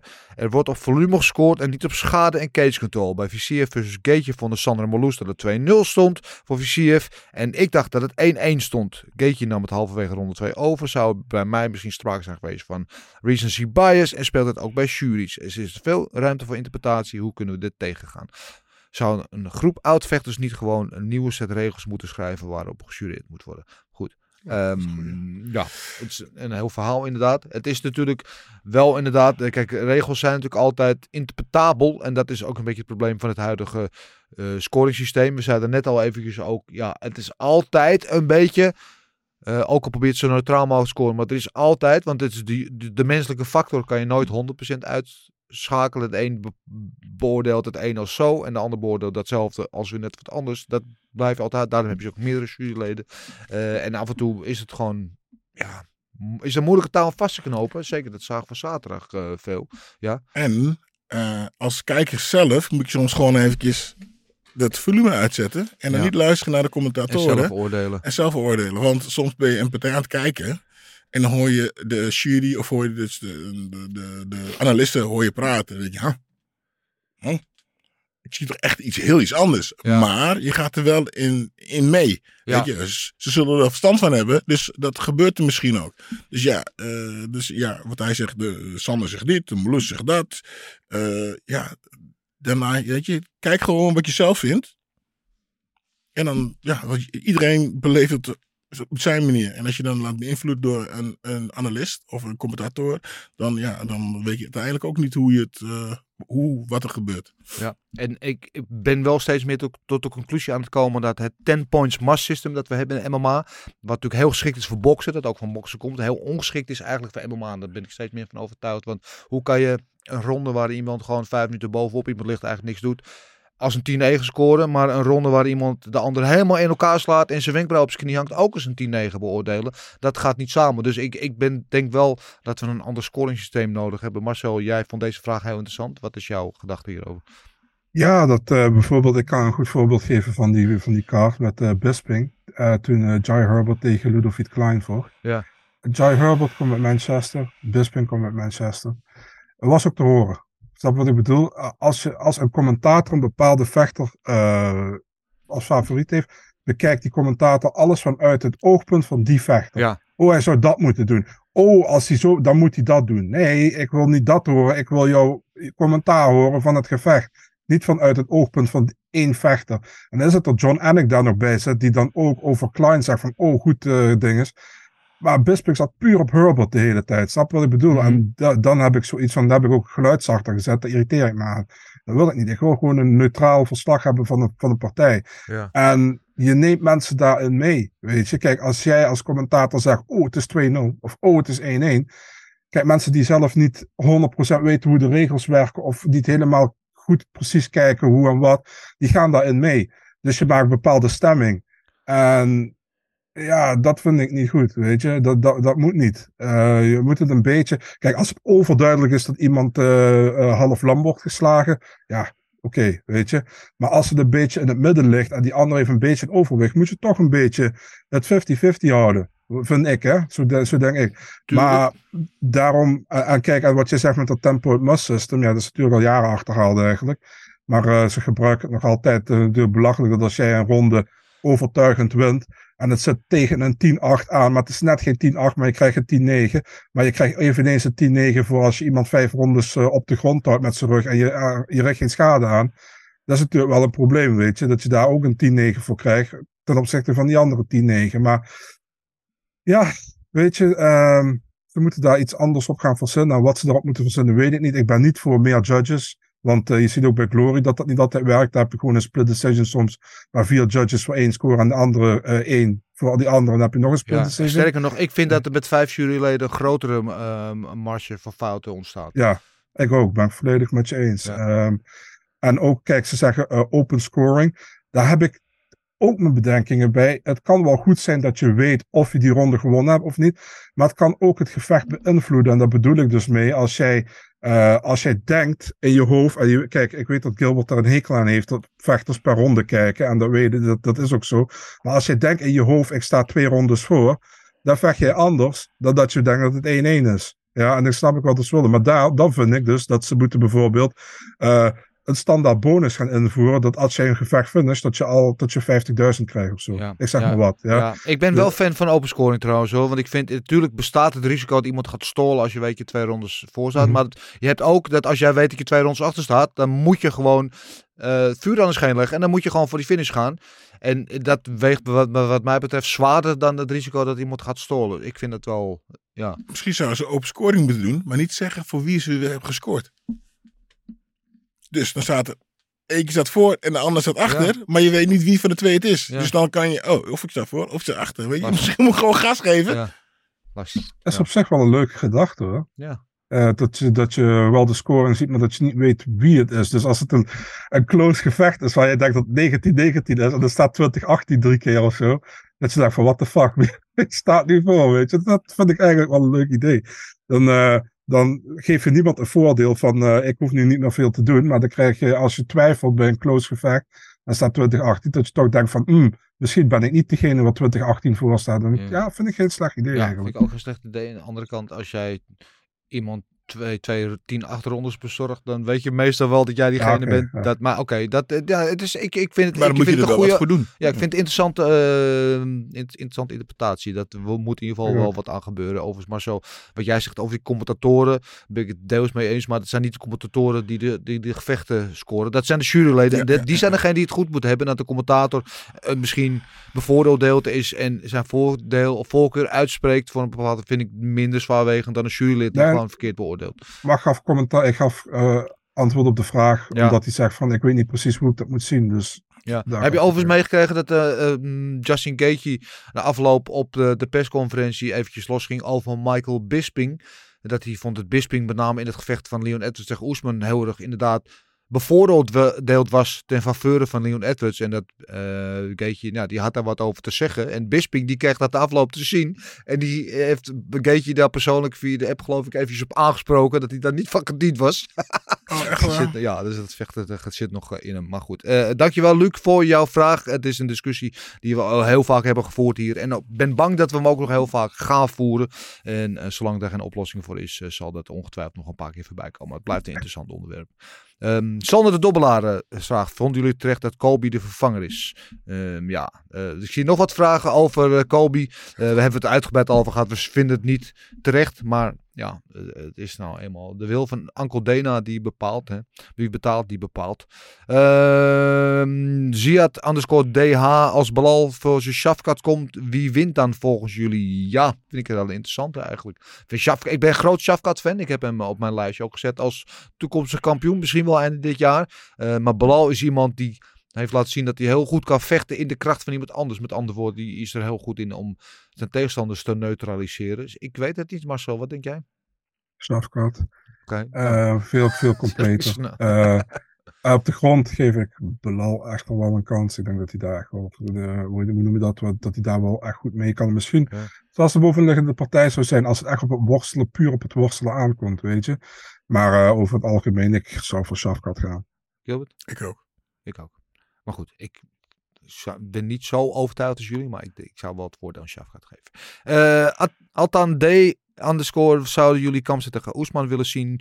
Hmm, dus ik ben daar niet zo in geïnteresseerd op dit moment, jullie. Het zou 185 kunnen, hè? Nu, eh, Ja, het zou op Oesman 185 even- kunnen. Ja, dat zou Ja. kunnen. Zou kunnen. Ehm, maar goed, ik heb een andere route in gedachten voor uh, Hamzat. Hij moet sowieso een keer gewoon een beslissing maken. Want dat hele van, hij zei op een gegeven moment heel beslist, ik ga naar 185. Toen was hij toch aan het flirten met 170. En nou, lijkt, en nou weet niemand wat die waar die in welke divisie nou zit. Ja. Moet op een gegeven moment gewoon zeggen en, en gewoon een gevecht aannemen en gewoon weer. Dana, Dana had gezegd dat hij in oktober terugkomt op 185. Dus Ja. eh, waarschijnlijk die Abu Dhabi kaart dingen. Eh, ik heb nog wat anders gehoord. Nou, vertel. Mm, zeer, zeer, eh, eh, nou, zeg? Betrouwbare bron? Nou, niet betrouw... Ja, nou ja, wel geruchten dat er een Stockholm-kaart aankomt. En Ja, Kaf- Samsat weten we, die komt uit Zweden. En Dena zei, want we spraken hem vrijdag eventjes, dat, dat, hij naar, dat hij dat hoogstwaarschijnlijk naar middleweight gaat. En dat hij daar sowieso een top 3 tegenstander krijgt. Nou, als je even op die ranking kijkt, is daar nu Pereira, Adesanya, Whittaker. Pereira, Adesanya vechten tegen elkaar. Dus dan blijft er maar één iemand over die dat zou kunnen zijn. Jared Cannonier staat er Dus- dus. Oh. Sorry. Het is slechts een gerucht, maar ik zou er niet verbaasd over zijn als we straks horen dat we eh, in Stockholm Kamsa tegen Whittaker gaan krijgen. Dun, dun, dun, dun. Oké. Dat zou een mooie pot zijn. Het zou een leuke wedstrijd zijn. Ehm Lou Dijsing, Oesman Rob. Nee, niet, zeker niet Rob. Eh, Francisco 19784. Vinden jullie terecht dat ah, weer over Kobe hebben we gehad. Eh, Den, eh, Denis underscore 7577. What is next for Mokaev? Ehm, ja, top 10 vechten moet hij sowieso krijgen. Die heeft nu vier op rij gewonnen. Die moet sowieso die top 10 gaan vechten. Toch eens maar zo? Ja, al heeft hij een rivaliteit lopen met Jake Hadley. Ja. Weet je, en het ligt er een beetje aan hoe snel Mokaev terugkomt, want die is geblesseerd nu. Ja. En als Hadley een beetje rumoer gaat maken in de divisie en hij Ja. komt ook die top 15 in, dan zou daar ook een leuke partij uit kunnen komen. ja. Maar ik ben er ook wel, ik ben ook wel met je eens dat Mokaev zeker tegen iemand in de top 10 moet komen. En ik zit eigenlijk te denken aan bijvoorbeeld een, eh, de, de verliezer van eh, dit weekend, Alex Perez tegen Manal Kaap. Dat Ja. zou een mooie partij Ja, zijn. dat zou zeker mooi zijn. Inderdaad, Jake Hadley ging helemaal los over hem eh, afgelopen week bij die persconferentie. En ehm, er zijn ook hele, eh, nou, luide geruchten dat de, UFC in juli weer terug gaat naar Londen. En dat Tom Espinel daar dan gaat headlinen. Tegen wie is nog niet bekend. Maar Espinel die zei dat zelf van min of meer. Of niet min of meer, die zei dat. Dat de, de, nou, de kans waarschijnlijk is dat hij in juli daar op de kaart staat. Eh, dat zou misschien wel een moment zijn dat uh, Mokaev en Jake Hadley daar voor eigen publiek uh, een robbertje gaan uitvechten. Maar goed, we gaan het allemaal zien. Um, Altan, nee, even kijken, waar zijn we gebleven? Mo Issa. Vertori terecht gewonnen van Dolice, uh, genoten. Jullie ook. Dat eerste hebben we het over gehad. De tweede, ja zeker, hebben wij genoten. Uh, J. Romal is Mokaev goed genoeg om nu de jongste kampioen ooit te worden of moet hij nog veel leren? Um, dat laatste is zeker waar, maar hij leert snel en hij is echt nog heel jong. We hebben uitgerekend als hij de jongste kampioen wil ooit wil worden, dus jonger dan John Jones, die drie, uh, geloof 23 en 284 dagen of zoiets dergelijks, um, dan moet hij dat voor 30 maart uh, volgend jaar doen. Dus daar heeft hij nog ruim een jaar voor. Uh, ja, hoop dat zijn knie. Ja, als, je, als je knie heel is, dan, uh, dan kan het. Ja, want die flyweight divisie is niet super dik. Dus uh, twee, drie potjes winnen en je staat in die titelgevecht. Toch maar zo? Ja, ik denk ook wel dat hij daar uiteindelijk komt. Maar ik denk tot uh, maart volgend jaar dat dat te snel gaat. Okay. Denk ik. Denk okay. ik. Ik weet niet hoe jij erover denkt. Ik ben wel benieuwd hoe jullie denken. Ik twijfel. Het twijfelt ligt er een beetje aan. Um, hij, hij, hij, heeft nog wel wat gaten in zijn spel. Dus ik, ik zou het niet erg vinden als hij daar gewoon wat meer langere tijd van neemt. Maar ja, je weet hoe het gaat. Zijn ster is snel reizende. En het kan zomaar zijn dat hij over twee partijen, drie partijen bezig in het titelvecht staat. Dus het zou me niet verbazen. Uh, maar ik denk ook dat het iets langer gaat duren. Mhm. Mm -hmm. um, even kijken. Jason Idrissi. Oesman leek trager dan voorheen. Vonden jullie niet? Leen had een beter game. Ja, daar hebben we het uitgebreid over gehad. Uh, June Jack 13, die heeft een vraag over Glory. Die zegt, verdient Overmeer geen title shot tegen Semeleer? Uh, en moet Groenhart niet in de wacht? Ja, Groenhart is natuurlijk oud-kampioen. Eh, en die divisie kan wel een, eh, een, een opdoffer gebruiken, om het zo maar te zeggen. Dus ik snap dat ze op Myrtle terugvallen. En die heeft natuurlijk een, een grote reputatie, om het zo maar te noemen. En eh, Overmeer heeft al een keer tegen Semelier gevochten. Toen bij Infusion. Ik was daar toen bij. En het was een vrij overtuigende overwinning van Semelier. Maar Over, Overmeer is wel echt gegroeid. Dus in een rematch, eh, wie, ja, wie weet. Ik, ik, bij Overmeer die komt er sowieso aan. Dus is het niet nu, dan eh, komt hij er eh, volgend jaar of zo. Of later wel aan. Dat, dat Mag ik jullie wat vragen? Ja, dat mag altijd. Allebei. Groenhart, hè? Ehm, gaat, nu weer, gaat nu weer kickboksen. hè? En ik, eh, weet jullie wat daar de reden van is dat hij weer gaat kickboksen? Terwijl hij eigenlijk eh, zich eh, had eh, zeg maar, eh, ge- ge- gefocust op het MMA. Dat Ja. hij nu opeens weer naar Glory gaat. Ja, ik kan één reden wel bedenken, Gilbert. Ik, ik heb ge... Ik, uit. ehm, ge- pff, eh, één, volgens mij is hij weer bij Mike's. Ja. Ik denk dat Mike tegen hem heeft gezegd, nee, wat jij moet doen, je moet lekker Glory gaan vechten. dat denk ik. Ja, Luister, het is heel simpel. Hij heeft natuurlijk een hele lange geschiedenis als kickbokser. Waarin hij K1 Mhm. Max kampioen is geweest, Glory kampioen is geweest. Eh, en daar is hij een grote naam. En daar zal hij meer betaald krijgen dan in het MMA. Waar hij eh, nu een, eh, een 2-in-1 record heeft. Of eh, wat het ook is. En waar hij een, een vrij nieuwe naam is. Waar de verdiensten, kan ik mij zo voorstellen, bij organisatie 11 wel wat lager zullen liggen dan bij Glory. Dat is denk ik een voorname reden. en, en als je nu voor de titel eh, mag vechten, Ja. je en zakgeld en eh, wat als hij wint, is eh, toch veel Ja. slimmer. Ja, ja. Ja. Nee, maar ik snap, ik snap het ook wel qua, qua, kijk, qua financiën of zo kan ik dat wel begrijpen. Maar omdat hij zelf zei van, ik ben klaar met kickboksen, ik zie daar niet echt een eh, uitdaging nog in. Ja, ik denk gewoon, hij heeft zo hard verloren van onze Fransman, dat hij dacht van, nou, weet je wat, ik, eh, ik vind het wel goed zo en ik ga me, dat, weet je, ik ga me nu richten op het MMA, want dan kan ik zo de UFC en bla bla bla. En het zal misschien de gedachte zijn geweest, maar ja, dan eh, vecht hij tegen een paar gasten en dan merkt hij, oh, het is toch niet echt helemaal mijn spelletje. En, en dan komt er een kans om voor de titel te vechten, voor iets wat je altijd al hebt gedaan.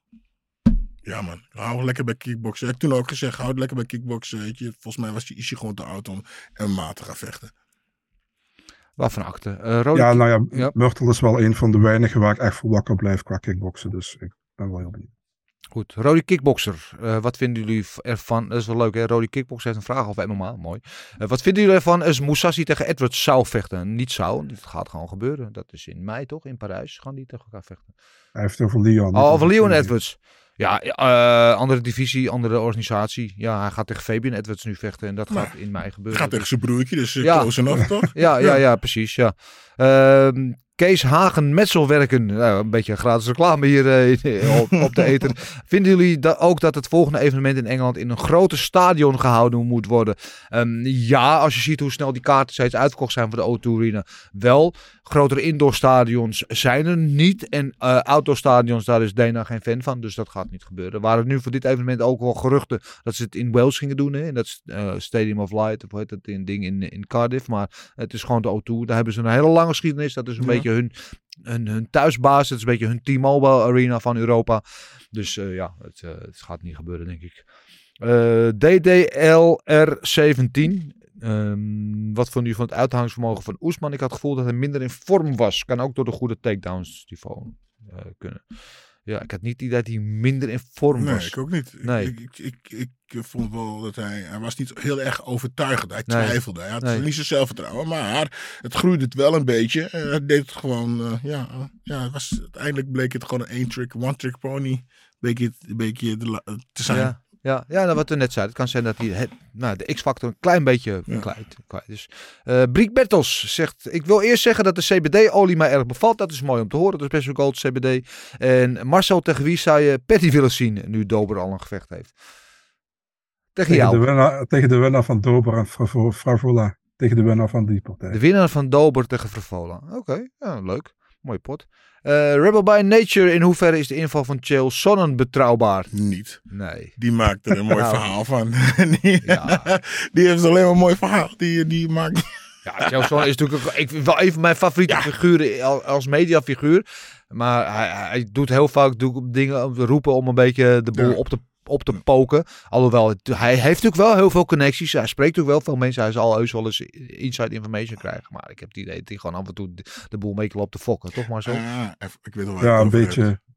Ja. Een beetje volgens tekst, een beetje. Gaat het niet over het feit dat hij eh, weet dat, eh, oh, dat iemand eh, zijn doping bij hem haalt? Ja, dat is wel, hij roept de en die, Ja. is geblesseerd, die is geblesseerd en die is bang voor die. Hij heeft altijd. eh, Hij, hij, kan goed praten, een beetje de Mark Rutte van het MMA. Hij kan heel goed praten. ik, vind hem, Dus, ik eh, vind hem echt geweldig. Hij heeft altijd zijn woordje klaar en hij is eh, zeer eh, overtuigend ook. Eh, Joshua VV, wat een performance van Gaethje. Balans had volgende titelvecht moeten krijgen. Wat vinden jullie? Ja, vinden wij, hebben we het over gehad. Stijn van Uitert, wat zou nu een geschikte tegenstander zijn voor Oesman? Eh, hebben we het ook over gehad. Eh, moeilijk om te zeggen. Dus Jordi Brouwers, wat vond u van de aftermath naar de KO op Patterson bij de prelims? Eh, ja, dat was, hij was ik zo, zo oud. Dat was zoals we zeiden, hij had een stoot of 15 te veel gekregen. En dat hij daarna omhoog werd gedeeld. Dat hij met de scheidsrechter wilde vechten. Met, met de cornerman wilde vechten. Hij was helemaal de weg kwijt. Oh, ja. die, eh, ja, die zo, ja, ja, ja. Een beetje pijnlijk te zien. Had, eerder, had eerder gestopt moeten worden. Eh, Ali 070 in één keer goed. Hadden Krookop, Fedor of Overeem in een prime van Jones gewonnen. Hm, interessant om over na Fedor sowieso. Ja, Fedor denk ik ook. Ja, Kro die andere. Weet ik niet. Die moest het wel staande houden dan. Eh, Brian 196666. Shafkat volgens Balal voor next title shot. Eh contenderpartij, dat lijkt me wel, ja. Na Kobe dan leuk dat hij er was. Zagen. Zagen hem goed. Jullie ook. Ja, we hebben hem eh, van dichtbij gezien in zijn roze paaspak. Is zo grappig, want ik vergeten dat. We zijn allemaal zwaar fans natuurlijk. Ja. Ja. ja, goed. Grappig. Ja. Aparte figuur. Eh, en tot slot, uh, Maurits School. Wat was jullie favoriete partij van de avond? Dat, dat lijkt me duidelijk. Eh, en waren jullie het eens met de uitslag van Vittorio Dolice? Hebben we het ook over gehad. Heel de O2 Arena stond werkelijk versteld van de verkozen winnaar. Dus ik ben benieuwd hoe de thuiskijker deze partij. Dat is wel heel lief en denegeerd. Ja, Want, eh, ja ik Maurits was erbij. shout dat, ja, die, was, eh, die was in Londen en die heeft daar een hele goede avond gehad. Dat liet hij mij al weten. Eh, ja, we hebben het uitgebreid over die uitslag gehad. Dus daar geen verdere nieuwe inzichten over. Bedankt weer voor al jullie inzendingen. Je weet het, je kan ze kwijt op de DM's op Instagram en Twitter of via de mail op info.vechtersbazen.tv. Goed, Marcel, nu je er toch bent, eh, verblijd ons alsjeblieft met je laatste vechtnieuws. Nou, omdat je het zo vriendelijk vraagt. Zo ben ik. Oh, Ja. Marcel, jongen. op 22 april, eh ja, Dennison, eh een van Dennis' favorieten, Matthew Samuelsburger tegen Jeremiah Wells. Ah, Semi the Jedi. Ja, mooi. Leuk, leuk, leuke pot. Ja, vind ik ook. Eh, dan hebben we ja, eigenlijk een partij waar we het net even kort over hebben gehad. UFC 288, Drew Dober tegen Matt Fravola. Ja. Met de, de Steamroller Fravola. Mooi gozer. Eh, maar ze- eh doet Dober ook. Eh, Welke UFC was dat weer? 288. 6 mei. 288. Ja, ga door. Ja, en dan tot slot hebben we op 3 juni hebben we Kai Kara France tegen Amir Albazi. Oh, nou goed dat eh, eh, KKF weer terug is. En die hebben we volgens mij al een tijd niet meer gezien. Toch sinds Moreno, toch? Dacht ik. Ja, Vind ik zo zonde dat die... die, die- ik, Ja. mo- ik zonde, zonde van hem Ja, die niet gewonnen toen. Nou goed, goed dat hij terug is. En een mooie partij. Eh, dat waren ze, Marcel. dat waren ze. Top, dankjewel. Eh volg deze man, Big Marcel24 op Instagram en Twitter. Dan weet je het altijd, ben je altijd op de hoogte en weet je het meestal zelfs als eerste. Dus daar, doe dat, dan krijg je daar geen spijt van. Goed, dan gaan we ons nu richten op het eh, laatste, maar eh, meest fameuze onderdeel van deze podcast. Gokken op knokken. Gokken op knokken. Gokken op knokken. Goed, gokken op knokken. Dus Marcel, ons penningmeester, hoe, is het, eh, hoe hebben we het gedaan?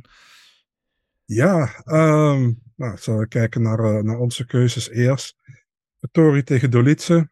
Ehm, Dennis had Dolice decision. Gilbert Ja. en ik hadden Vittori decision. Ja, het, het- eigenlijk, ik voel me hier gepikt. Maar goed, ja, het is wat het is. Dat is drie punten voor Gilbert, drie voor mij. Eh, Maya O'Neill, ja, we waren alle drie voor O'Neill decision. Maar eh, ja, het was een duidelijke overwinning voor Maya, dus geen punten. Ehm, Nelson tegen Barbarena. Ehm, Dennis had Barbarena decision. Gilbert had Nelson KO tweede ronde. Ik had Nelson submission eerste ronde. Ja, nou lekker dan. Ja, één punt voor Gilbert en zes voor mij. Toch naar jou moeten luisteren. Ja, eh, en ik heb, ik heb er geen plezier aan gehad, want ik wilde Barbarena niet zo zien verliezen. Dus nou ja, Nee. maar wel zes punten. Eh Gaethje Visiev, ja, had jij heel goed gedaan, Dennis. Decision voor Gaethje, daar heb je drie punten. Eh, Gilbert en ik hadden allebei Visiev. Gilbert had KO derde ronde, ik had Decision.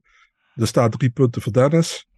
En in de main event, Edwards Oesman krijgt Dennis ook drie punten erbij. Want die had Edwards decision en Gilbert en ik hadden allebei een decision voor Kamaru Oesman. Komen we op een puntenaantal met eh, op de derde plaats Gilbert met 36 punten, kreeg 4 punten erbij. Dennis op 38 punten, kreeg 6 punten erbij. En ik zelf op 44 punten, kreeg 9 punten erbij. Kijk hem gaan. Hoppakee, helemaal bovenaan op de berg. Op de apenrots. Lekker hoor. Zie je wel dat Molus dat wel zei? Wat dan? Bovenop de apenrot. Ja? Dat zei ze toch tijdens, tijdens Dat de zou uitzending? kunnen. Is dat, is dat wat mis mee? Is Ja, gewoon een uitdrukking toch? Ja, ja, nee, maar... Dat, dus ik had het met hem over. Ik zeg, Ja? zei ze nou bovenop de apenrot? Ja, dat is gewoon een normale uitdrukking. Uh, vechten ze tegen apen. Nee, maar dat is een uitdrukking. Als je boven in de hiërarchie, boven op de apenrots, als jij de, de alfa bent, dan hè, de, allemaal bovenaan, je bent boven op de apenrots. Ja, goed. Maar ze, ze, ze, ze verbeteren zichzelf wel, hè, ze Oh. dat zei. Ik heb het gemist, moet ik ja, ik heb het zeggen. gezien, gehoord. Ik ga het eh, terugkijken. Marcel, hoe hebben de, de inzenders het gedaan? Ja, ehm sommige heel goed, sommige iets minder. Ehm weekwinnaar is Maurits School met 13 punten. Hoppa, rechtstreeks vanuit de O2, gewoon on top. Lekker Maurits. Ja, heel netjes. Ehm, bovenaan, eerste, Sander de Dobbelaren krijgt 12 punten erbij, staat op 54 nu. Eh, ik moet trouwens nog even Lekker, zeggen, ik heb vorige week heb ik Ricardo van der Hums te kort gedaan, heb ik hem geen punten gegeven, Ja. terwijl hij er vier had verdiend. Hij, Oké. heeft het, eh, hij heeft het me kunnen bewijzen en het klopte inderdaad, dus die vier punten heeft hij erbij gekregen. Je gecorrigeerd? Eh, goed. Ja, Pim Terhoeven staat Ik ga mijn punten ook meteen natellen nu, want ik klopt volgens mij dat. Volgens mij heb ik dat. veel meer punten. Eh, Pim Terhoeven 12 punten erbij op 53. Eh, dus die staat tweede nu. Lekker Pim, ook goed gedaan. Ja.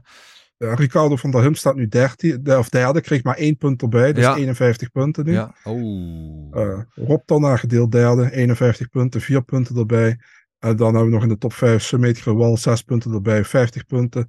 En tot slot Maurits School met 13 punten erbij, komt op 49. Hot binnenkomer in de top 5. En nog steeds de pijnlijke conclusie dat de nummer 5 nog steeds meer punten heeft dan de beste bij ons. Maar goed. eh, het, eh, Waar eh, staat eh, de OG eh, Jan van der Bos? Dan wil ik even gaan kijken, joh. Eh, Jan van der Bos heeft 38 punten, Oeh, staat Oké, 17. die heeft als ik. Jan. eh, oké, oké.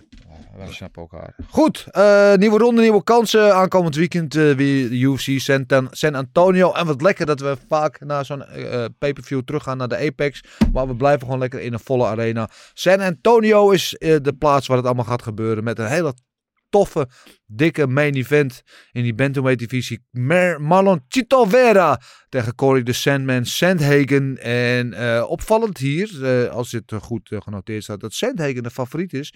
Min 160 tegen plus 135 voor Chito Vera. Co-main event, de Preachers Door de Holly Holm tegen Jana, voorheen Konitskaya, tegenwoordig Santos. Ehm, dat is een partij in de vrouwen bantamweight divisie. Ehm, Holly Holm, die de significante favoriet, min 220 tegen plus 180.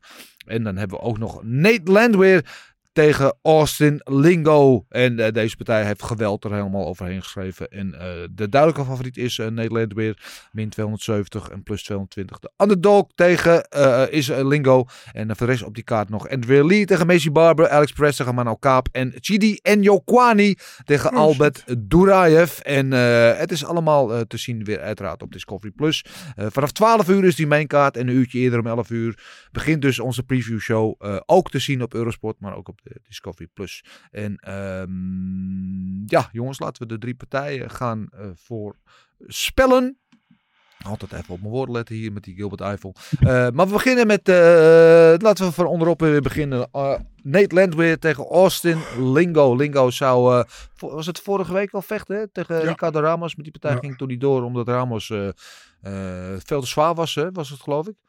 Mm -hmm. Ja, Klopt. Um, ja, en uh, Nate Landweer had een nieuwe danspartner nodig. Dus het ja, komt perfect uit zo dat deze twee mannen tegen, tegenover elkaar staan. En het is zoals ik al zei, een gevecht waar ja, geweld overheen uh, gesprenkeld gaat worden. Dat wordt een soort uh, kleinere versie van uh, Gaethje tegen Visiev. Of zeg ik dan te veel, Marcel? Ja, een, een, een soort van, ja, ik wil het niet denigrerend doen, maar een beetje een soort van Aldi-versie. Ja, ja. ja, de Aldi-versie van Gaethje tegen. Nou ja, Aldi heeft ook nog vaak wel kwaliteitsproducten, dus ja. betekent nog steeds niet dat het slecht is. Shout-out uh, trouwens, oh, Sander Schikker van de Lidl, hè? Ja. ja. ja. Uh, Marcel, je toch aan het woord bent, uh, vertel het maar. Wat denk je dat gaat gebeuren? Ja, man. Eh, kijk, Nederland weer heeft maar één knop en dat is vooruit en hard en Ja. zonder verdediging en gek. Ehm, Oh, weet je die wedstrijd tegen Onama vorig jaar nog? Ja. Oh, wat een gekke huis. Ja. Ja. Ja, ja dus, hij, hij is gek, die, die Nederland weer. Ehm, en ik, eh, ik zie hem graag vechten. Heeft hem ook wel eens tegen gezeten hoor, dat hij zo wild is en dat hij nog uitgeslagen of getrapt werd. Ehm, Lingo is, is eigenlijk ook eh, meer is, is staand eh, erg, erg leuk om naar te kijken altijd. Dus eh, kijk, ik vond die, die originele partij was Landweer tegen Alex Caceres. Hè? Ja. Dat was ook een leuke partij Ja, zeker geweest, maar- weten. ja, ik vind dit ook leuk. Ehm, ik denk dat het wel een decision wordt. Ze hebben allebei een keihard hoofd. Dus ik zie ze niet gefinished worden. Ehm, ik ga wel voor Landweer. Ik denk dat die, eh, dat is eh, een motortje die, die blijft gaan vaak. Hij had tegen Onama op een gegeven moment, eh, eh, kreeg hij te, was het af en toe eh, dat Onama weer over... Onama was in het begin beter volgens mij. Ja, ik had het idee dat Lent weer in de eerste ronde twee keer KO ging zo ongeveer. Klopt. Ja, klopt. Ehm, nee, ik ga voor Landweer decision. Maar dat gaat wel een leuke partij worden dit. Dit gaat zeker een hele leuke partij worden. Oosterlingo is niet te onderschatten. Maar alleen weer is gewoon inderdaad gewoon eh, prettig gestoord in zijn hoofd. Ehm, gaat inderdaad gewoon als een, als een brandweerauto. ramt alleen maar naar voren.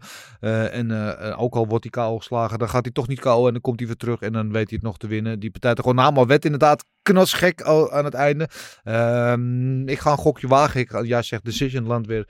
Zeg ik gewoon Landweer op KO. Een hele bloederige KO in de tweede, mm, derde ronde. Gilbert. Ik eh, ga voor eh, Landweer. Landweer gaat als de brandweer. En ik ga ook op Decision. Decision Landweer. Iedereen in het voordeel hier van Nederland weer. Dan de komen event Holly Holm. Oud kampioen natuurlijk. tegen Jana Santos. En Holly Holm. Eh, De Preacher's Daughter. Ja. Ehm, wat ik van Holly Holm vind. Zij is natuurlijk beroe- wereldberoemd geworden door die headkick KO tegen Ronda Rousey. Die toen de hele wereld schokte. Ze is ex-box kampioen. Maar de laatste jaren haar partijen is echt vooral meer clinchen tegen het hek. En een beetje hangen, wurgen. Het is niet zo spannend meer allemaal. allemaal. Ehm, Hoi Gilbert! Goed, eh, dat maakt allemaal mee live in de uitzending. Maar eh Holly Holm, ja, eh, ja, de laatste partij waren het niet zo heel opwindend, laat ik het zo maar zeggen. Ik denk wel dat zij van Jana Kunitskaya gaat winnen. Natuurlijk een lange layoff gehad. Ehm, ik kies Holly Holm op decision. En veel meer heb ik niet over te zeggen. Gilbert? Ja, ja hetzelfde. Saai.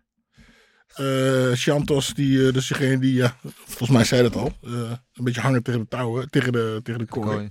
En dat zit. En vasthouden. Ik denk dat de Holly jaar wat boksen.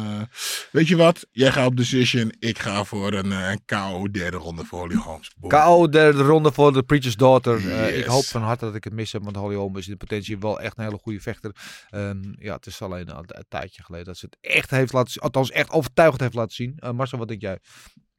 Ja, ik vind het wel leuk dat eh, Jana Kunitskaya namens Santos heeft veranderd. Nu staat Holm tegen Santos en dan denk je van, oh, weet je, nieuwe contender. Maar nee. Eh, ja, Nou, je weet wat de naamverandering met je doet. ja, nou, ik denk niet veel. Ik denk dat Holm gewoon decision wint. Ik denk dat Holm completer is, beter is. En eh, dat het gewoon weer een eh, typische Holly Holm wedstrijd gaat worden. Ehm, en ik snap dat de UFC Holm op de co-main of main zet qua naam.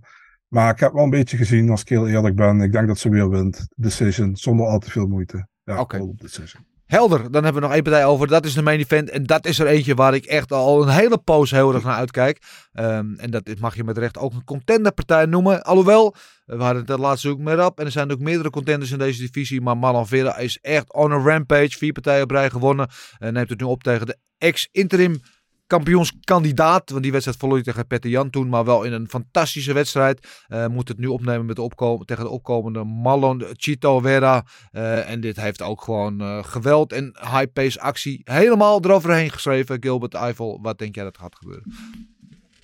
Is Marlon Vera nou de underdog hier? Ja, dat verbaast mij ook een beetje. Ja, snap ik ook niet. Maar goed, dat zal met de ranking te maken hebben, denk ik. ik ga voor Marlon Vera. En die gaat... eh, ja, ik heb punten nodig. Nee. Dus die gaat eh Corey eh, gewoon eventjes KO slaan in de vierde ronde. Boom. Eh, En dat heeft met de ranking. Uh, Marlon Vera staat boven Corey Sandhagen momenteel. Dus dat slaat hem. Waarom, waarom is dat? eh, KO eh, vierde ronde, zeg jij? Yes. Oké. Wa- waarom staat... Is Sandhagen hier de favoriet, denk jij Marcel? Ik denk dat het qua stijl te maken heeft, qua, qua vechtstijl, denk ik. Ik denk dat, ehm, eh, dat Vera heeft meer de hype achter zich, vooral op de manieren waarop Ja. hij heeft gewonnen. Kijk, hij heeft Dominic Cruz knock-out geslagen, hij heeft Edgar knock-out geslagen. Hij heeft, maar als je kijkt, als je heel kritisch gaat kijken naar al die wedstrijden, Mm. tegen Edgar stond het eigenlijk gelijk, totdat hij hem knock-out sloeg. Ja. Ja. Tegen Font heeft hij meer schade aangericht, maar Font heeft hem outstriked in die partij. Maar terecht gewonnen hoor, niks op aan te Nee. Deed het ook heel goed tegen hem, Ja. totdat het misging. Dus ik begrijp het wel, omdat Sandhagen is eh, qua... Ik vind Sandhagen technisch beter dan Vera. Alleen ik vind Vera explosiever. En ze brengt meestal meer schade aan dan, dan, dan Sandhagen. Dus ik vind het een hele moeilijke wedstrijd om, om te voorspellen. Kijk, je kan... Als je op schade gaat doen, dan zou ik het misschien inderdaad aan Vera geven. Sandhagen is zo technisch goed, joh. Ik, eh, ik neig meer naar Sandhagen, joh, een decision. Dus daarom eh, ben ik het eens met de odds. Ik vind de odds ook raar. Ik denk dat Vera verdient om hier favoriet te zijn. Maar ik ga voor Sandhagen, omdat ik denk qua stijl dat het die partij hem goed ligt. Dus daarom, ja. Oké, ja, ik, het is juist al die dingen die jij noemt nu, die mij van Vera doet kiezen. Want eh, ik vind Sandhagen ook fantastisch en het is echt een van mijn favoriete vechters in de decisie. Zo'n geweldige mooie stijl, eh, eh, met, met zijn trappen en zijn stoten en, en zijn afstandsmanagement en spectaculaire draaitechnieken en alles wat, met, wat hij met hem meebrengt. Maar Vera is iemand, die kan inderdaad, zoals de Dominic Cruz was hij de wedstrijd volgens mij gewoon aan het verliezen, totdat Dominic Cruz daar uitgeteld op het kantvan slag. Die kan gewoon tot in de laatste seconde van de wedstrijd iets geniaals uithalen. Die heeft dat in zich om in de meest onverwachte momenten opeens met een geweldige eh, high kick, eh, de spinning kick of wat dan ook te komen, front kick op de grond niet te onderschatten. Hij heeft een goede ground game. Ehm, en ik zie in Marlon echt een toekomstige kampioen. En eh, ik denk dat als hij deze partij wint, dat hij de volgende zal zijn om een title shot te krijgen. Sterker nog, met rap die niet tegen Aljamain gaat, ehm, eh, lijkt het me zelfs vrij waarschijnlijk. En ehm, ik denk ook dat hij gaat afrekenen met Sandhagen. En wat jij zegt Marcel, dat is wel waar. Sandhagen zal een hoger volume hebben. Zal hem waarschijnlijk outstriken. Eh, maar ik denk dat uh, Manon Vera ergens wel weer een gekke KO uit de hoge hoed tovert. En eh, ik kies daar ook voor Vera. Jij zegt vierde ronde, zeg ik vijfde ronde. Ik denk ook dat het een, voor Vera een, qua ranking een belangrijkere partij is dan voor Sandhagen. Ik denk dat Sandhagen als hij wint, dat hij wel nog altijd in de top staat, maar dat er geen title shot voor hem in zit. En ik denk Nee. voor Vera als hij wint, dat zeker wel een title shot voor hem in zit inderdaad. Ja, dat denk ik ook. Ehm, dat is, gaat allemaal zaterdagavond gebeuren. Mis er niks van. Op eh, Discovery Plus wordt echt een mooi gevecht. Ehm, zaterdag ook nog even shout-out. Of vrijdag is dat, moet ik zeggen. eh, Cage Warriors 151. Met onze eigen Agi Sadari. eh, tegen Samuel, Blasco. ook op die Discovery Plus te zien. En zaterdag, zoals gezegd, het debuut bij PFL. Van Mohammed Amin en Lissje Gevers. Jullie ook veel succes, allebei. Uh, daar zijn we er doorheen, jongens. Ja, tevreden mee? Ik ben uh, altijd tevreden. Daar ben ik heel blij om. Marcel geeft ook de duim. Hartstikke mooi. Uh, dan wil ik jullie bedanken weer voor jullie uh, inzet en voor de gezelligheid. jullie allemaal weer bedankt voor het kijken of luisteren. Je weet, we zijn overal te vinden. YouTube, Spotify, Apple Podcasts. Vergeet niet te liken, te delen. En te abonneren. Heel belangrijk voor ons. een speciale dank aan onze sponsor Special Gold CBD. En ook één ding te zeggen. Dat is... De Wassel. Everything is possible in your life when you believe. I'm not God or none, but I just baptized two individuals back to back. You, you know, they're, they're selling you all wolf tickets, people. You're eating them right up. Just give me location. Every day I send Dana White message. Hey, where's my location? Hey, pussy, are you still there? I wouldn't like to do that fight again. Oh, Go around there, Roz, and find ass at.